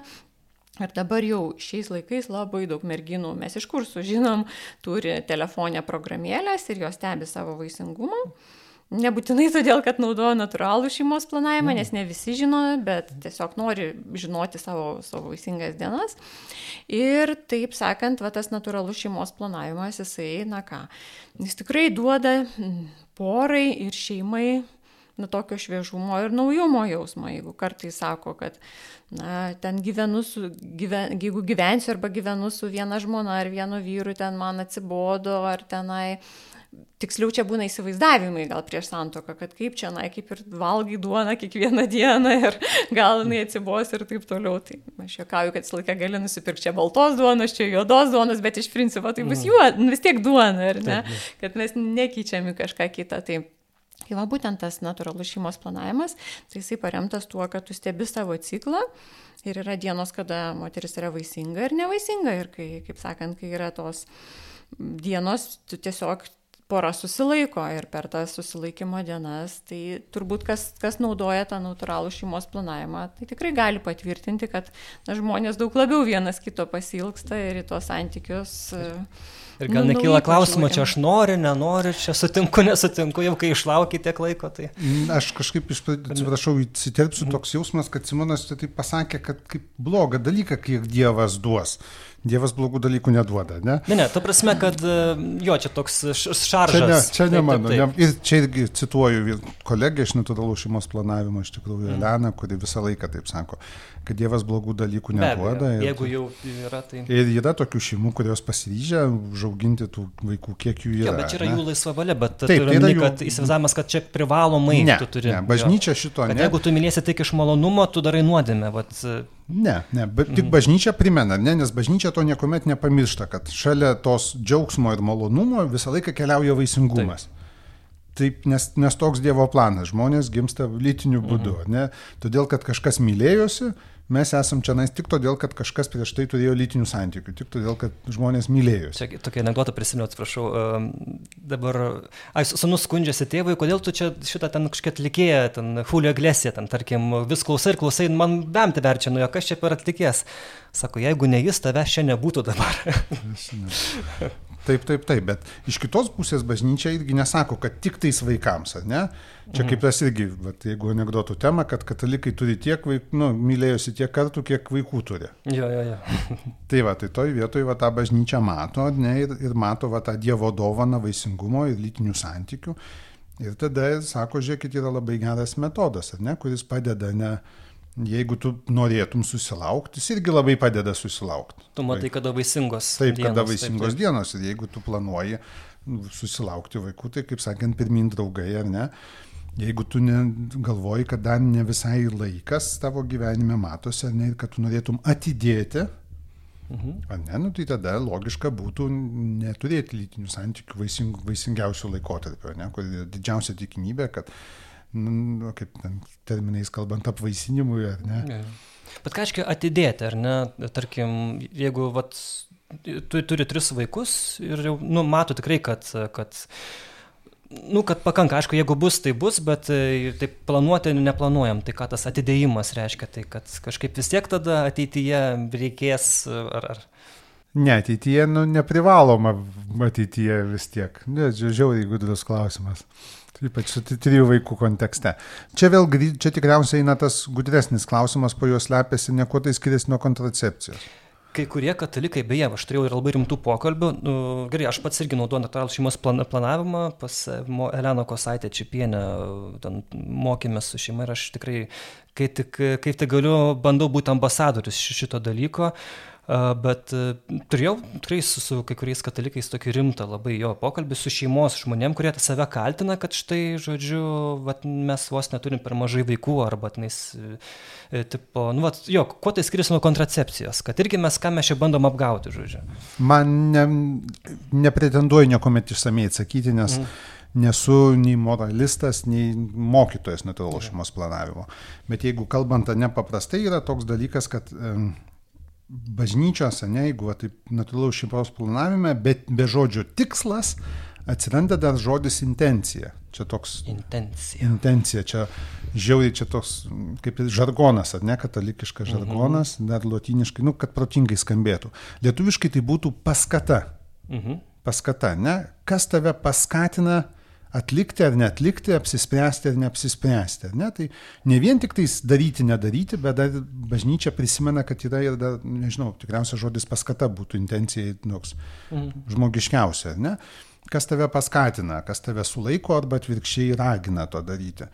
Tai va toj vietoj toj vietoj, vat, nors tikslas nėra ir vienu ir kitu atveju, jeigu lygintume su kontracepcija, neturėti tų vaikų, bet paskata nėra ta iš šeimos planavimo natūralaus. Tai nėra, kad mes sakom, kad vaisingumas nereikalingas kaip integrali mūsų kūno dalis ir kad jis yra blogis.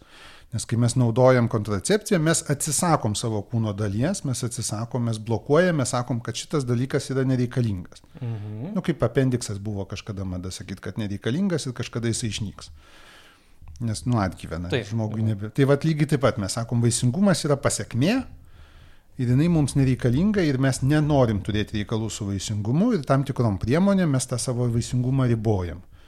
Tai toj, o kai kalbam apie natūralų šeimos planavimą, tai mes, ne, mes neribojam savo, bet mes atpažįstam ir matom, ir tai yra Dievo, dievo duotas, duota programa. Nu, čia, vat, jeigu lygintume, aš irgi tai banaliai, ne, vat, su tuo gamtos pasauliu, vat, už lango baigėsi rugsėjas, ir, nu, vat, kad ir kaip mes visi sakytų, kad mes esam gamtos dalis, bet mes, nu, nėra taip, Dievo planas žmonėms yra truputį kitoks negu gamtos daliai. Elnių ruja jau baigėsi. Nu, jeigu Taip. būtume gamtos dalis, va, rugsėjį atrujojom, arba rūpjūtį kaip stirninai, arba nustirnos, ne, rugsėjį kaip elniai, bet viskas ir metams ramu. Jo, vieną kartą užtenka. Taip. Viskas. Jo. Taip, nu, kad ir ten, kad ir vieno mėnesio, ne, bet, nu, mm. tasme, va, ir metams ramu. Bet Dievo planas truputį kitoks, ne, ir tas žmogaus vaisingumas jis tame gamtos kontekste jis yra labai unikalus unikalus ir, ir čia vat, žmonės ir, ir atsiranda tas gudrus žodis dalyvavimas Dievo plane, pažinimas Dievo duoto ir paskata. Ne? Ir mes suprantam, kad ir mes nesakom, kad vaisingumas yra pasiekmė, kad mes nenorim nieko turėti bendro, bet mes matom, ne, kad šiuo metu, na, kaip ir trijų ar keturių vaikų jau kaip ir mes žvelgiam atsakingai ir pradedam galvoti, kaip ar mums padėks ne vien tik tais juos išmaitinti, ten išmokyti į, į universitetus išleisti, ne, mhm. į mokamas vietas, bet lygiai taip pat mums užteks laiko skirti dėmesį, pastangų, apkabinimą ir žodį kiekvienam iš tų vaikų, ne kiek mes esam pajėgus, nepaleisti tiesiog savygai mhm. viso to ir matydami va tą Dievo planą ir tai, kad Dievas supranta tą žmogų, neatsakingumą, mes turim tokią paskatą, ne, atidėti, bet tai nereiškia, kad mes sakom, tas vat, atvirumas gyvybei, tas ir skamba, ne, kai žmonės, na, jie nenaudoja kontracepcijos. Ir mes liekam atviri gyvybei ir aišku, ten čia prasideda ta visa fiziologijos mokykla, ką vat, minėjote Elena, ne, kuri moko atpažinti, bet ir Elena sako, gamtoji, žmogaus organizme irgi būna visokiausių įdomių dalykų. Mhm Nes žmogus nėra robotas, kad mhm. ir ne visą laiką, nu, net ir robotai tie sugenda, ne, tai toje vietoje žmogus nesugenda, bet žmogaus organizmas yra daugiau sudėtingesnis ir va, žmonės sako, okei, okay, mes atidedam, bet jeigu atsitiks taip, kad mes turėsim naują gyvybę, tai ačiū Dievui už tai, kad mes turėsim tą naują gyvybę, mes visą laiką prisimenam tą Dievo kvietimą ir na, būti atviriems tai gyvybei. O, tik reikia priminti, toks, čia toks jau pryčinimas arba reklama, kad e, natūralus šeimos planavimas, aišku, yra įvairių tų metodų, įvairių tų, tų priemonių, kaip įvairios tos mokyklos, bet realiai jisai yra patikimesnis procentaliai negu prezervatyvai. Ten 98, jeigu neklystu, kažkiek tai procentų, kuris yra na, veiksmingas, jeigu tu naudoji taip, kaip, kaip, kaip pagal taisyklės, kaip, kaip reikia.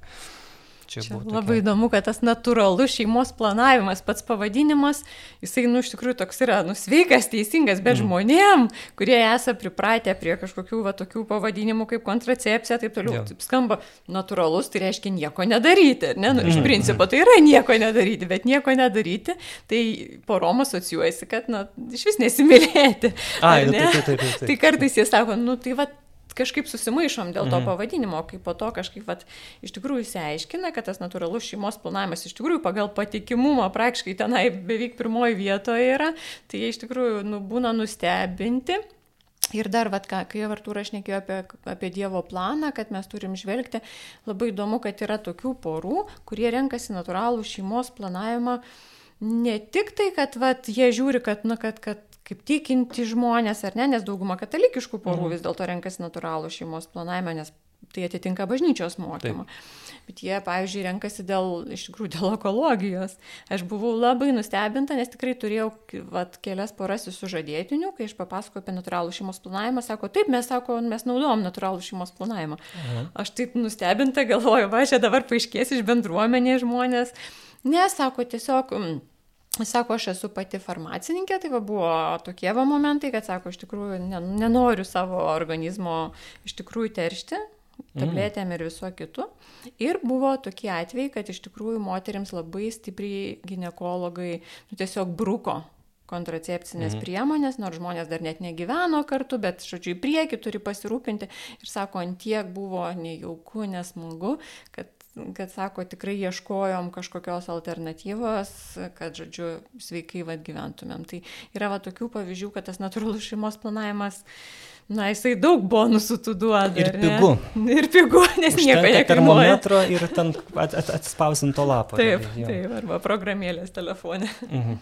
O programėlės jau yra dabar patikimos, nes anksčiau būdavo prieš dešimt metų, kad sakydavo ten Elena, kad geriau dar neprasidėkit su programėlėm. Nes... Aš manau, kaip papildomas, kaip papildomas šaltinis, kada gali pasižiūrėti savo mhm. vaisingumą, kodėl. Ta prasme, tu gali, bet jeigu tu matuoji temperatūrą, tai kiekvienas papildomas, jeigu tu užsijimi, e, mhm. kaip sakant, stebėseno, kiekvienas papildomas papildomas pliusiukas, tai tik tai tau, nu, Plus, bet nu, nereikia tuo remtis kaip pagrindiniu šaltiniu. Taip, taip, taip. Ne, kaip pagrindinis netinka, nes vis tiek programėlės jis remiasi algoritmu, jis mhm. skaičiuoja, tai yra aritmetika. Nu, jo, jo, tai būtent. Ir, ir iš tikrųjų jos, na, neatsižvelgia į kelet, nu, papildomų faktorių, kurie reikalingi, jeigu taip. Bet kaip papildoma priemonė, tai ką sakė Jolita, iš tikrųjų labai daug merginų tiesiog stebi savo ciklą. Mhm Bet e, vis tiek nepasitikė, vat, nepasitikė tomis programėlėmis, jos ten gaunasi toks taip, kaip pagalbinė priemonė, irgi gyvenime pagalbinė priemonė, bet jos taip žvelgia rezervuotai ir galbūt iš tikrųjų ir gerai, gal kad nenaudoja kaip pagrindinės. Kaip pagalbinė, tai iš tikrųjų,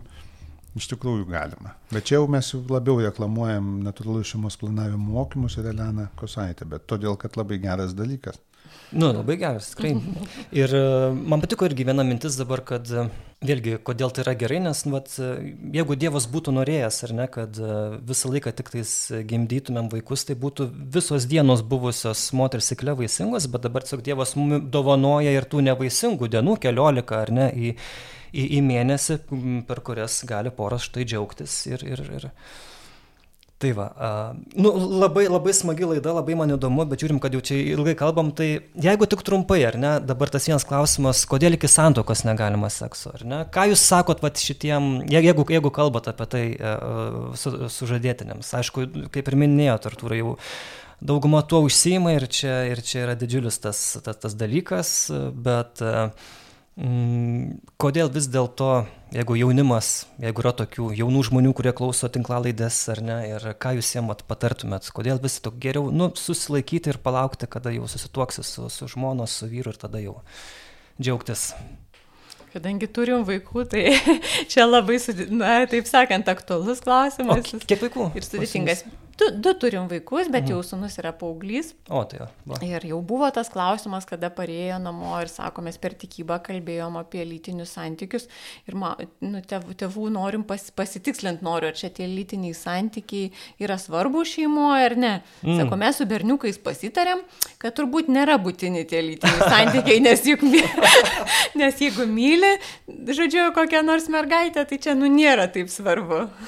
tai mes tai pasijuokėm. Okay. Nu, paauglystėje, kaip sakant, visai smagu, kai, kai, kai, kai žmogus taip gal, kai žmonės taip galvoja. Mhm. Ir, ir tai pasiekėm, kad įdomu, kada čia tas požiūris.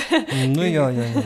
ar nepasikeis ir, ir, ir, ir, ir tada galvos, kad ar svarbu, ar, ar nesvarbu. Tai, Tai va, tai turint vaikų, iš tikrųjų ir gyvenant katalikiškoje šeimoje, tai žinoma, kad šitas klausimas rūpi, aktualus ir iš visų pusių norisi kuo geriau tuos vaikus parengti. Uh, kad iš tikrųjų, kaip ir minėjau, tas įsipareigojimas, ar ne, tas sulaukimas savo žmogaus, pirmiausia, ar ne, kad tu turi pažinti, kad turi praeiti draugystės etapą ir kai tu pamatai su tuo žmogumi vairias situacijas, koks jis yra draugas, kaip jisai gali tavim pasirūpinti, kaip tu gali pasirūpinti, tada, na, suteikia visai, nu, tokį kitokį, kitokį požiūrį, kad tai nėra tik tai kažkoks tai mm, tiesiog vienas iš žmonių, bet kad tai yra tavo gyvenimo pakeleivis visam gyvenimui. Ir, na, va, šito vietoje, manau, reikės labai atsakingai ir, ir perduoti tą žinutę, kad tu turi išsirinkti tokį žmogų, su kuriuo norėtum nueiti visą gyvenimo kelionę, su kuriuo norėtum susilaukti vaikų, su kuriuo norėtum pasenti. Ir kad, vat, kaip ir minėjau, kad iš tikrųjų, nu, geriausia tai yra, na, iš tikrųjų, tą įsipareigojimo to, to, toj, toj formoje sulaukti visą tai. Tai, man atrodo, pirmiausia draugas, o po to tik tai bendras, be, bendro, bendras mhm. tas kelionės keliautojas turi būti. Nu, įdomus klausimas, žiauriai. Aš asmeniškai, ne kai kalbuosi, tai beveik visą laiką jaučiuosi kaip pardavinėdamas ledus eskimams. Mm Nu, ypač tame kontekste, ne jeigu, tarkim, iš tų sužadėtinių taip 60 procentų jau turi lytinių santykių ir dabar aš jiems turiu pasakot, kad nu, vis tik tais reikia susilaikyti nuo lytinių santykių ir jie žiūri ir jie taip žvelgia, o aš jiems sakau, kad nu, kaip ir ne, nereikėtų. Ir tada žmonės kyla, nu tai gerai, sako, kodėl. Tai pirmas, ne, nes jie yra tam kultūriniam kontekste, kad visi tą daro ir bažnyčiai įsiskiria o bažnyčia įsiskiria ir kviečia, nu, yra kelios priežastys. Aš jiem lygiai taip pat sakau, tikrai nesupykit, neišdėstysiu bažnyčios mokymo argumentuotai ir neįrodysiu, mhm. nes tikrai nesu pajėgus, plus dar taip netikėtai tokių klausimų, namie nepasiskaičiau jokios protingos knygos. Tuo labiau, ne, bet jeigu kalbant paprastai, bažnyčia visą laiką primena, prisimena, kad šalia lytinių santykių yra vaisingumas. Ir istorijos įgoje yra pastebėta, ne, kad toj vietoj moteris su vaiku labai dažnai lieka silpnoje pozicijoje, ne, kad bažnyčia primena tą ir prisimena. Iš siekio apsaugoti, iš kitos pusės e, žmonės pradėdami lytinius santykius e, Ypač jeigu pradeda, tai tada jie praleidžia labai daug svarbių momentų, kuriuos minėjo Jolita, nesusiformuoja draugystės ryšys, nesusiformuoja save nugilesnis vienas kito pažinimas. Žmonės ne, ne, ne, nesuorganizuoja schemos algoritmo, kaip jie sprendžia problemas ir sunkius klausimus. Nes uh, lytiniai santykiai ateina su visa chemija, tą patį, nu, at, kaip tą klasikinė schema, kaip pykstasi su gyventinė, ar ne? Susipyksta, priešneka negražių žodžių, tada nekalbadienis, mhm. tada po kažkiek laiko, na, ten po dienos, po, po dviejų, po savaitės susitaiko, nes, nu, kai maži vaikai, ne, nu, pradeda juoktis. Ypač po kelių dienų, jeigu nekalbadienis. Tada, tada reikia atšvest, kad susitaikė, ne? Tada žmonės eina į kiną, į kavinę, tasme, kažkaip linksmai leidžia laiką ir vakare pasimylė, kad santykiai, nu, Ir viskas, ir, o po to, kai tu pasimylį, santykiai yra ledas, nu, kokios problemos. Mhm. Apie ką, nu, mes mylimės, mes mylim vienas kitą, netgi mylimės fiziškai, net atsiduodam vienas kitam, nu, tai kas dar gali būti blogai tarp mūsų, ne? Automatiškai žmonės nebeišmoksta spręsti probleminių, konfliktinių klausimų. Ir toj vietoj, tasme, yra viena pusė psichologinė, kita pusė yra na, istorinė ir tiesiog iš socialinių normų, kad bažnyčia mato, kad šalia vaisingumo. Ir, ir trečias momentas, ar ne, yra labai įdomu, kad ne vien katalikų bažnyčia, bet visi krikščionys, kad ir kaip kurie nėra vieningi daugelio klausimų, netgi ir santokinių lytinių gyvenimo santokoje klausimais nėra vienybės, bet iki santokinių lytinių santykių visi krikščionys supranta tą. Taip, čia tiesa. Ir, ir ne vien krikščionys, pasižiūrėkit, tas pats yra judaizme, tas pats yra tame pačiame islame arba kitose nu, religijose, nu, jų yra platus spektras, bet bent jau šitose trijose, būtent ir krikščionys toje vietoje yra vieningai, vieninga požiūrė, ne, kuri primena, kad lytiniai santykiai yra ypatingos svarbos dovana.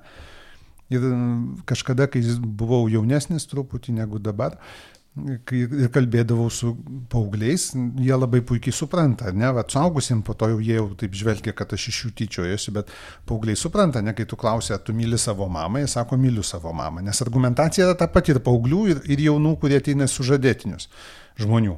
Jis sako, betgi mes mylim vienas kitą, kas čia blogo.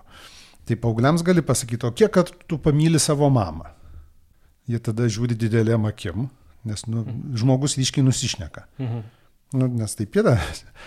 Žmogus ryškiai nusišneka. Bet ir, ir, ir tada va, nuo tokio šoko pradedi kalbėti pasirodo. Nu, nebūtina meilės išreikšti per lytinius santykius. Ne? Ir bažnyčia matydama tą ypatingą dovaną ir grožį, va ir nuolat kantriai primena, kad lytiniai santykiai yra Dievo dovana santuokai ir sutoktiniams. Dėl to va tas ta ledų pardavimas eskimams, va taip iš tos pusės, ar ne, va tam bendram kultūriniam kontekste jis yra labai įdomus. Ir, ir kad tai yra ypatingos svarbos dovana, kad negalima jas tiesiog paimti ir subanalinti. Ir negalima tiesiog imti ir panaudoti farfan. Mhm. Netgi tą patį mums primena tas ir, ir filosofija, ir tas bendras principas, kad joks žmogus negali būti priemonė kitam žmogui, net jeigu jie bus sutinka. Ne? Tai toje vietoje bažnyčia taip va, tą visą vis kantriai primena. Ne? Tai tik tais truputį disonuoja su bendru kultūriniu idėjiniu tuo šituo. Ir dėl to kartais va, pajuokaudamas, kartais truputį kažką rimčiau, pažiūrint į tą patį humanę vitę, ten kažką truputį kūno teologijos ir taip po truputį ir, ir, ir, ir dėlioji ir dėlioji. Tai toj vietoj svarbu visą laiką prisiminti, ne, kaip ir būna, kad man irgi viena, šiaip šauni, labai, labai gera mergina, nu, šauni mergina, kuri ieško, sakau, gera mergina, todėl kad, va, žmogus ieško atsakymų. Ir taip klausė, klausė, klausė, sako, nu tu manęs neįtikinai. Sakau, bet žiūrėk, bet tu jau manęs klausai ir aš tau jau pasakiau keturias nuorodas, kur ieškoti informacijos. Mhm. Ir jei, nu, aš pasitikiu tavimi ir žinau, kad tu pažiūrėsi ten. Nes įtikint, nu, nepyk, nu, man nepavyks, aš nesu, nu, nesu to lygio specialistas, kad įtikinčiau tave. Liūdna, bet nesu, sąžininkai sakau. Ne, bet tai, kai jau žmogus girdi, na, va, taip, kataliką, taip. kuris apie tai kalba ir kuris... Taip, bet sakau, žiūrėk, pažiūrėk ten, pažiūrėk ten, pažiūrėk mm. ten. Ir, ir be to, be to santykio, ne, be, to, be tos tradicijos, be to mokymosi, pažinimo, na, taip yra.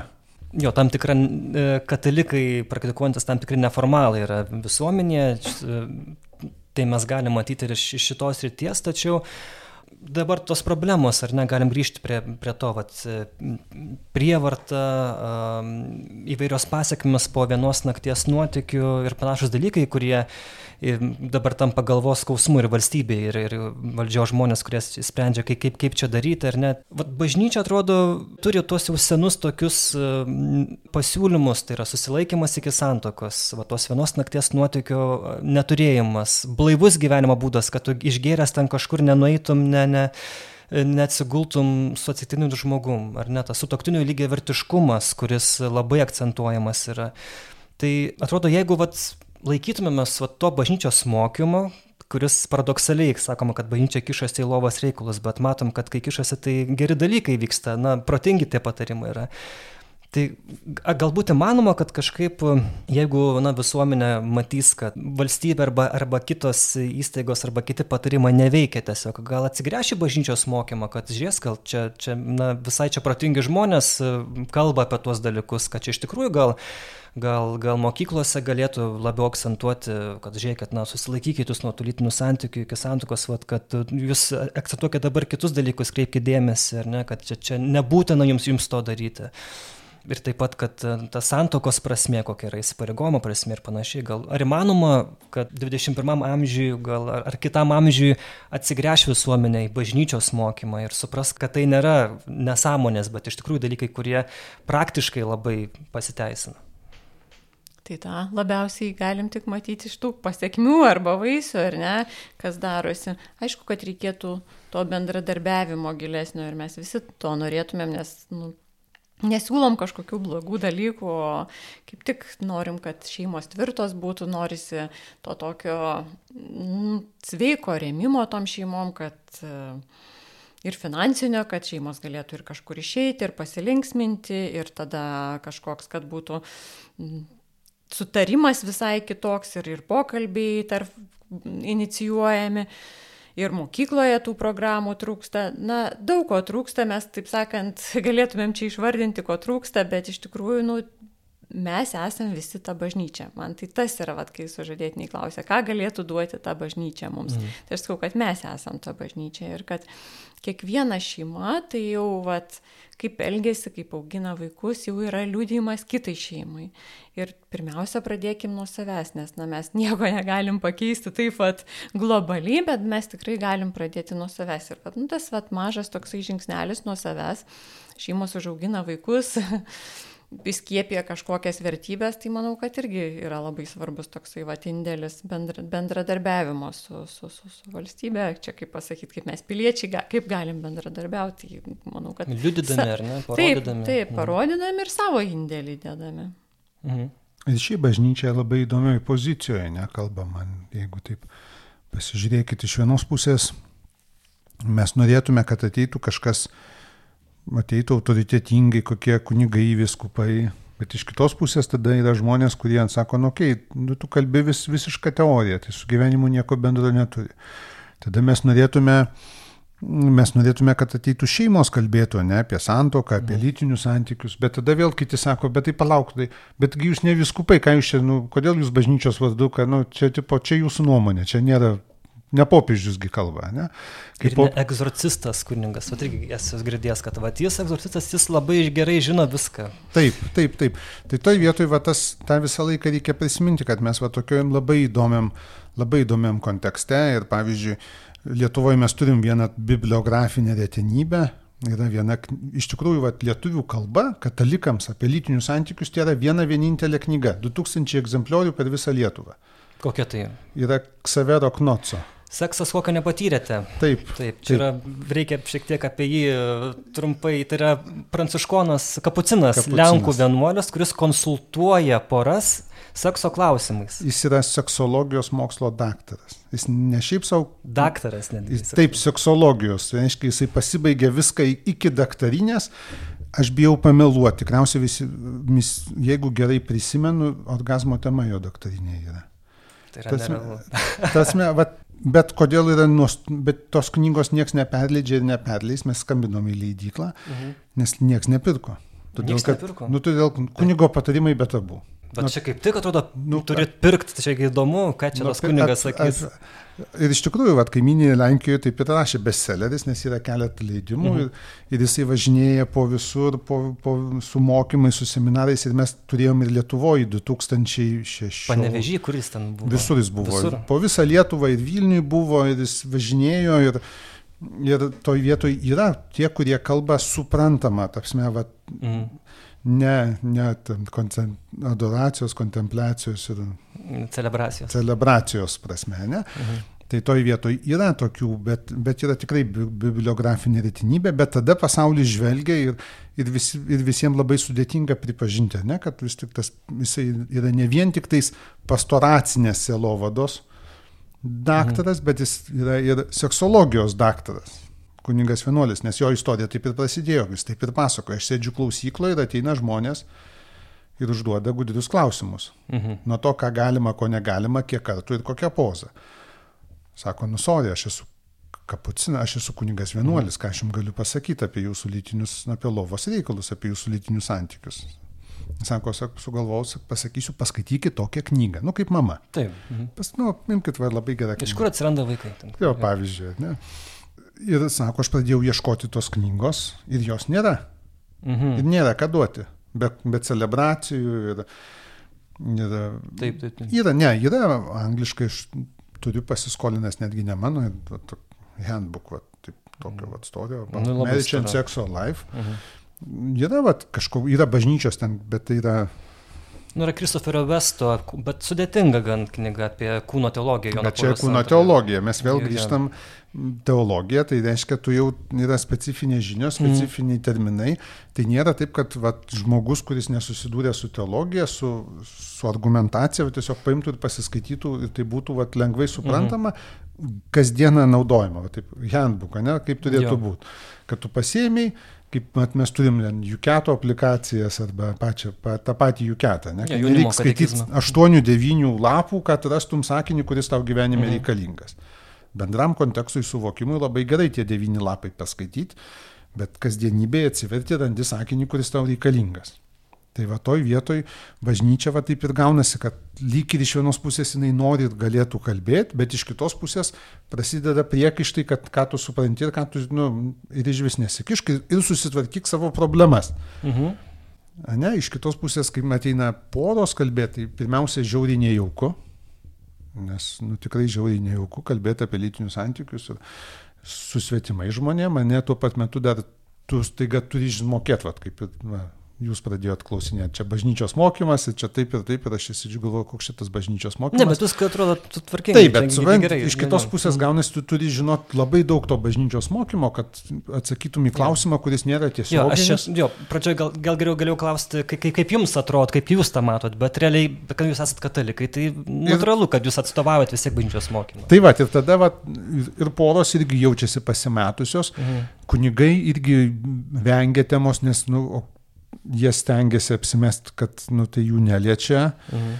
Ir, bet vis tiek susiduria su klausykloje su tuo, bet tada nežinau, ką jie ten daro ir kaip jie daro.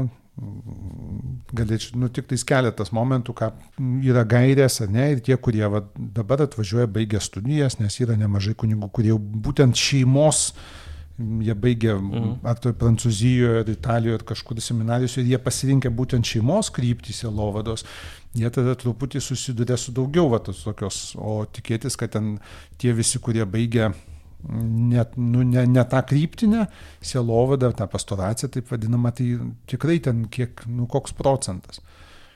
Tai toj vietoj va, toks labai įdomus, ne, diskursas tarp bažnyčios to oficialaus mokymo ir to sugebėjimo įgyvendinti. Ir va tada, kai popiežius sako, kad reikia apkabinti, pabučiuoti, arba galų gale, nu, ką mums primena, ar ne, vat, tą patį mes, aš irgi, kai kalbu apie lytinius santykius, irgi sakau, kad vienas iš punktų bažnyčia, jinai nereguliuoja, kaip turėtų atrodyti lytinis gyvenimas su tuoktiniu, bet jinai kviečia, nu, nepamiršti keletos principų bazinių.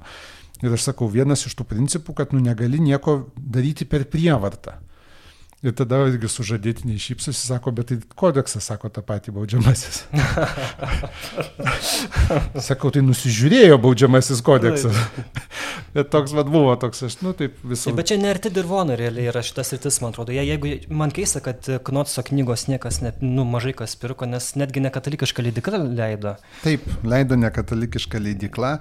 Katalikai žvelgia įtartinai Nes aš irgi, kai radau tą knygą lentynoje, atsitiktinai tik dėl to, mm. kad aš einu į knygynus ir vis Taip. žiūriu, kas ką išleido, aš irgi pavarčiau ir, kaip ten, nežinau, ar galima prisipažinti, pasėmiau tą knygą ir ėjau pas vyskų paklausti. Oho. Ne, nu tarsi aš randu kunigas vienuolis. Nu, gal, okei, okay, galvoju. Mhm.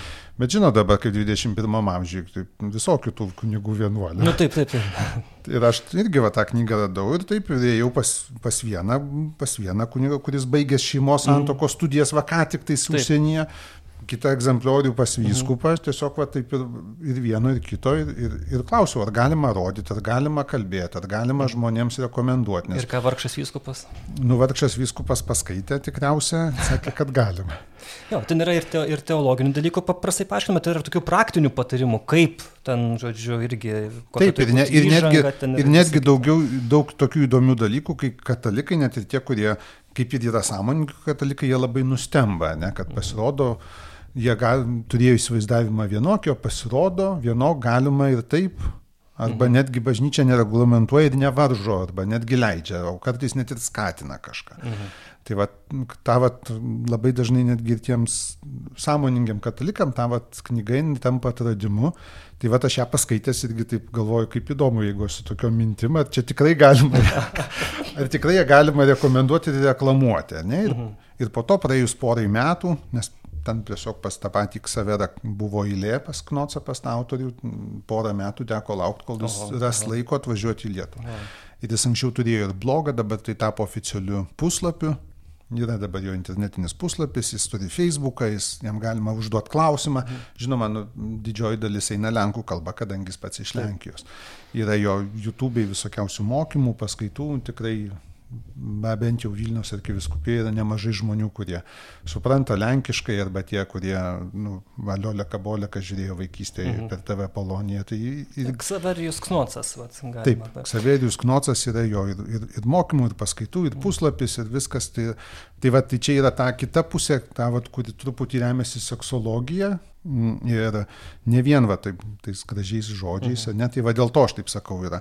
Ir galbūt tikrai labai va ta reikalinga, bet, bet bažnyčiai visą laiką buvo ta dermė tarp nuomonių, toj pačioj teologijai pasižiūrėkit. Taip, taip, taip. Yra. Ir tuo va bažnyčiai ir na, graži, kad joje telpa labai daug netgi liturgijos koncelebravimo formų, nu, kaip mišes aukoti mhm. yra kiek skirtingų rytų ir, ir rinkinių maldų ir žodžių tekstų lygiai tas pats ir, ir, ir tame irgi yra daug tų požiūrio taškų ir tai yra labai gražiai.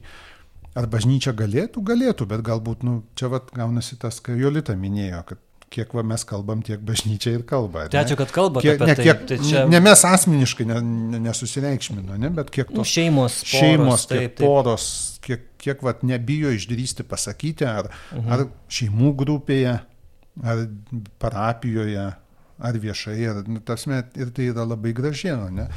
Ir, Jeigu dar trumpai, e, Markas Gungoras, Gangoras, kaip tarti, nežinau, bet Mark Gungor e, per juokus į geresnę santoką, jo yra video paskaitos ir yra knyga lietuviškai išleista ir, ma- ir mačiau, kad jau kelis kartus perleista, jis yra ne katalikas, protestantų pastorius, bet uh, irgi jis e, liečia, tas, liečia ir lytinių santykių, sekso temą ir atsimenu, kai tą knygą nusipirkom, tai aš, nu, kaip vyras pradėjau nuo, nuo to skyriaus apie seksą ir kaip tik pirmas sakinys, sveikinu visus vyrus, jeigu, žodžiu, nuo, nuo to skyriaus pradėjau skaityti, tai aiškiai esate tikrai vyrai. Tai, tai labai taip pataikyties į dešimtuką. Kaip jūs jo vertinat a, tą knygą arba va, tas jo paskaitas? ką visą laiką reikia prisiminti, labai teisingai suformulavo, tai nėra katalikų bažnyčios mokymas. Mhm. Vat, nes lab, labai daug žmonių, vat, e, kuriuos pažįstam ar girdėjom, jie visą laiką žiūri ir tada pradeda, turi priekaištų. Mhm. Markoje, ne, kad nu, tai nėra bažnyčios mokymas. Žinoma, kad tai nėra bažnyčios mokymas, nes, nes jis nėra Taip, katalikas. taip, taip. Tiesiog, vat, iš principo, ne?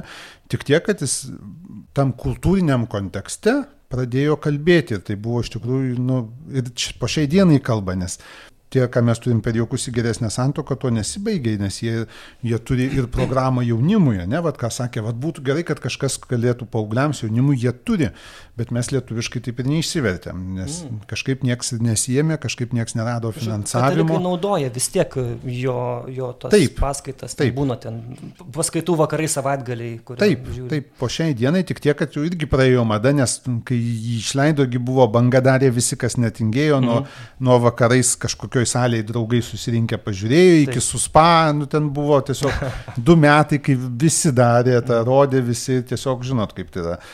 Praėjo ir, nu, duokit kažką naujo, mhm. ne, bet toj vietoj. Ir buvo ten dėl formos, dėl to, dėl to kaip, kaip jis tą pristato, ne ten truputį daug, daugiau mažiau tų lėkštų pokštų amerikietiškų. Bet va toj vietoje iš visą laiką tada sakau, bet įskaitykit knygą, tenais nėra. Nėra tų lėkštų pokštų, ir tenais yra daug argumentacijos, ir daug išsameu, ir daug, rimtesnė. daug geriau ir, tarpsme, log, testinumas minties, logikos vis, viską argumentuoja, išdėsto ir, ir nėra to tokio popso, ne to tokio, kaip sakė, tokio erzinančia prasme. Bet paprastiems žmonėms, vat, kiek teko girdėti, žmonėms, kurie dirba garažuose, kurie, mm, kaip sakant, nesėdi būtinai tenai bažnyčiose pirmose eilėse, labai daug padarė, taip sakant, geros įtakos ir girdėjau labai tokių atsiliepimų iš moterų, kad sako, aš pirmą kartą supratau, kodėl mano vyras nori ant sofos pasėdėti, o ne dėl to, kad jis yra tinginys, Nu. o pradedant nuo tokių dalykų paprastų iki to, kad Jisai tiesiog sako, skleidžia tą žinią, kad apie lytinius santykius irgi kalbėtis reikia ir kad tai yra svarbi gyvenimo dalis, kuri, kaip sakant, apima ir visus kitus dalykus. Tai iš tikrųjų galime svertinti ten jo tą amerikoniškumą, e, tą išraišką pačią, bet pats turinys, kad reikia apie tai kalbėtis, tai aš manau, čia kiekvienam žmogui vat, tai yra svarbu suprasti ir kad, na, paskatinimas toks yra išdrysti pažinti savo vyrą, savo žmoną ir apie tai pasikalbėti. Ir plus ta tema, nelytinių santykių, labai didelis blokas, bet yra visame kontekste santykių.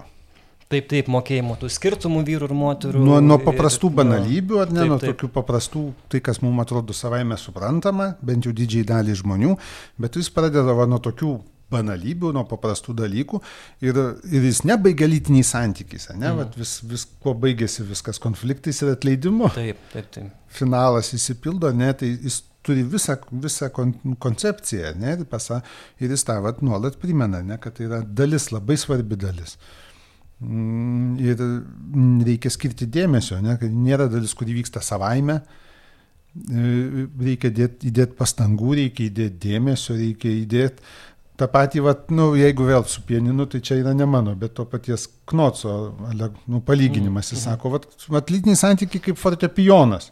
Vat, kaip pieninas, va, pamenat, kaip sakiau, su gitara, su... Tai lygiai tas pats sako, vat, vienas žmogus sėdi prie pienino Ir kitas, čia, čia ne mano va, ta gudri frazė, iš tikrųjų Ksaveras visą laiką sako, o tai žiūrėk, va, vienas sėdi prie pianinų ir kitas sėdi. Klavišai tie patys, tie patys, stygos viduje tos pačios, dėžė ta pati, melodija pas visus gaunasi skirtingai. Ir dėl to vat, ir Markas irgi sako, nu reikia dėti pastangų, reikia nepamiršti reikia matyti ir matyti visą gyvenimą, nes nu, ne, jeigu, jeigu iš tikrųjų žmonės turi nuoskaudų, jeigu turi įsižydimų, jeigu jie turi konfliktų neišspręstų, beviltiška ir nerealu tikėtis, kad lytiniai santykiai bus fantastiški ir teikiantys džiaugsmą. Ta prasme, kad tai yra nu, būtent viso gyvenimo dalis. Tai va iš tos pusės to idėja seminarai, kurie atsirado, jeigu žmonės dar vis randa juos ir padalyvauja, tai iš tikrųjų puikus.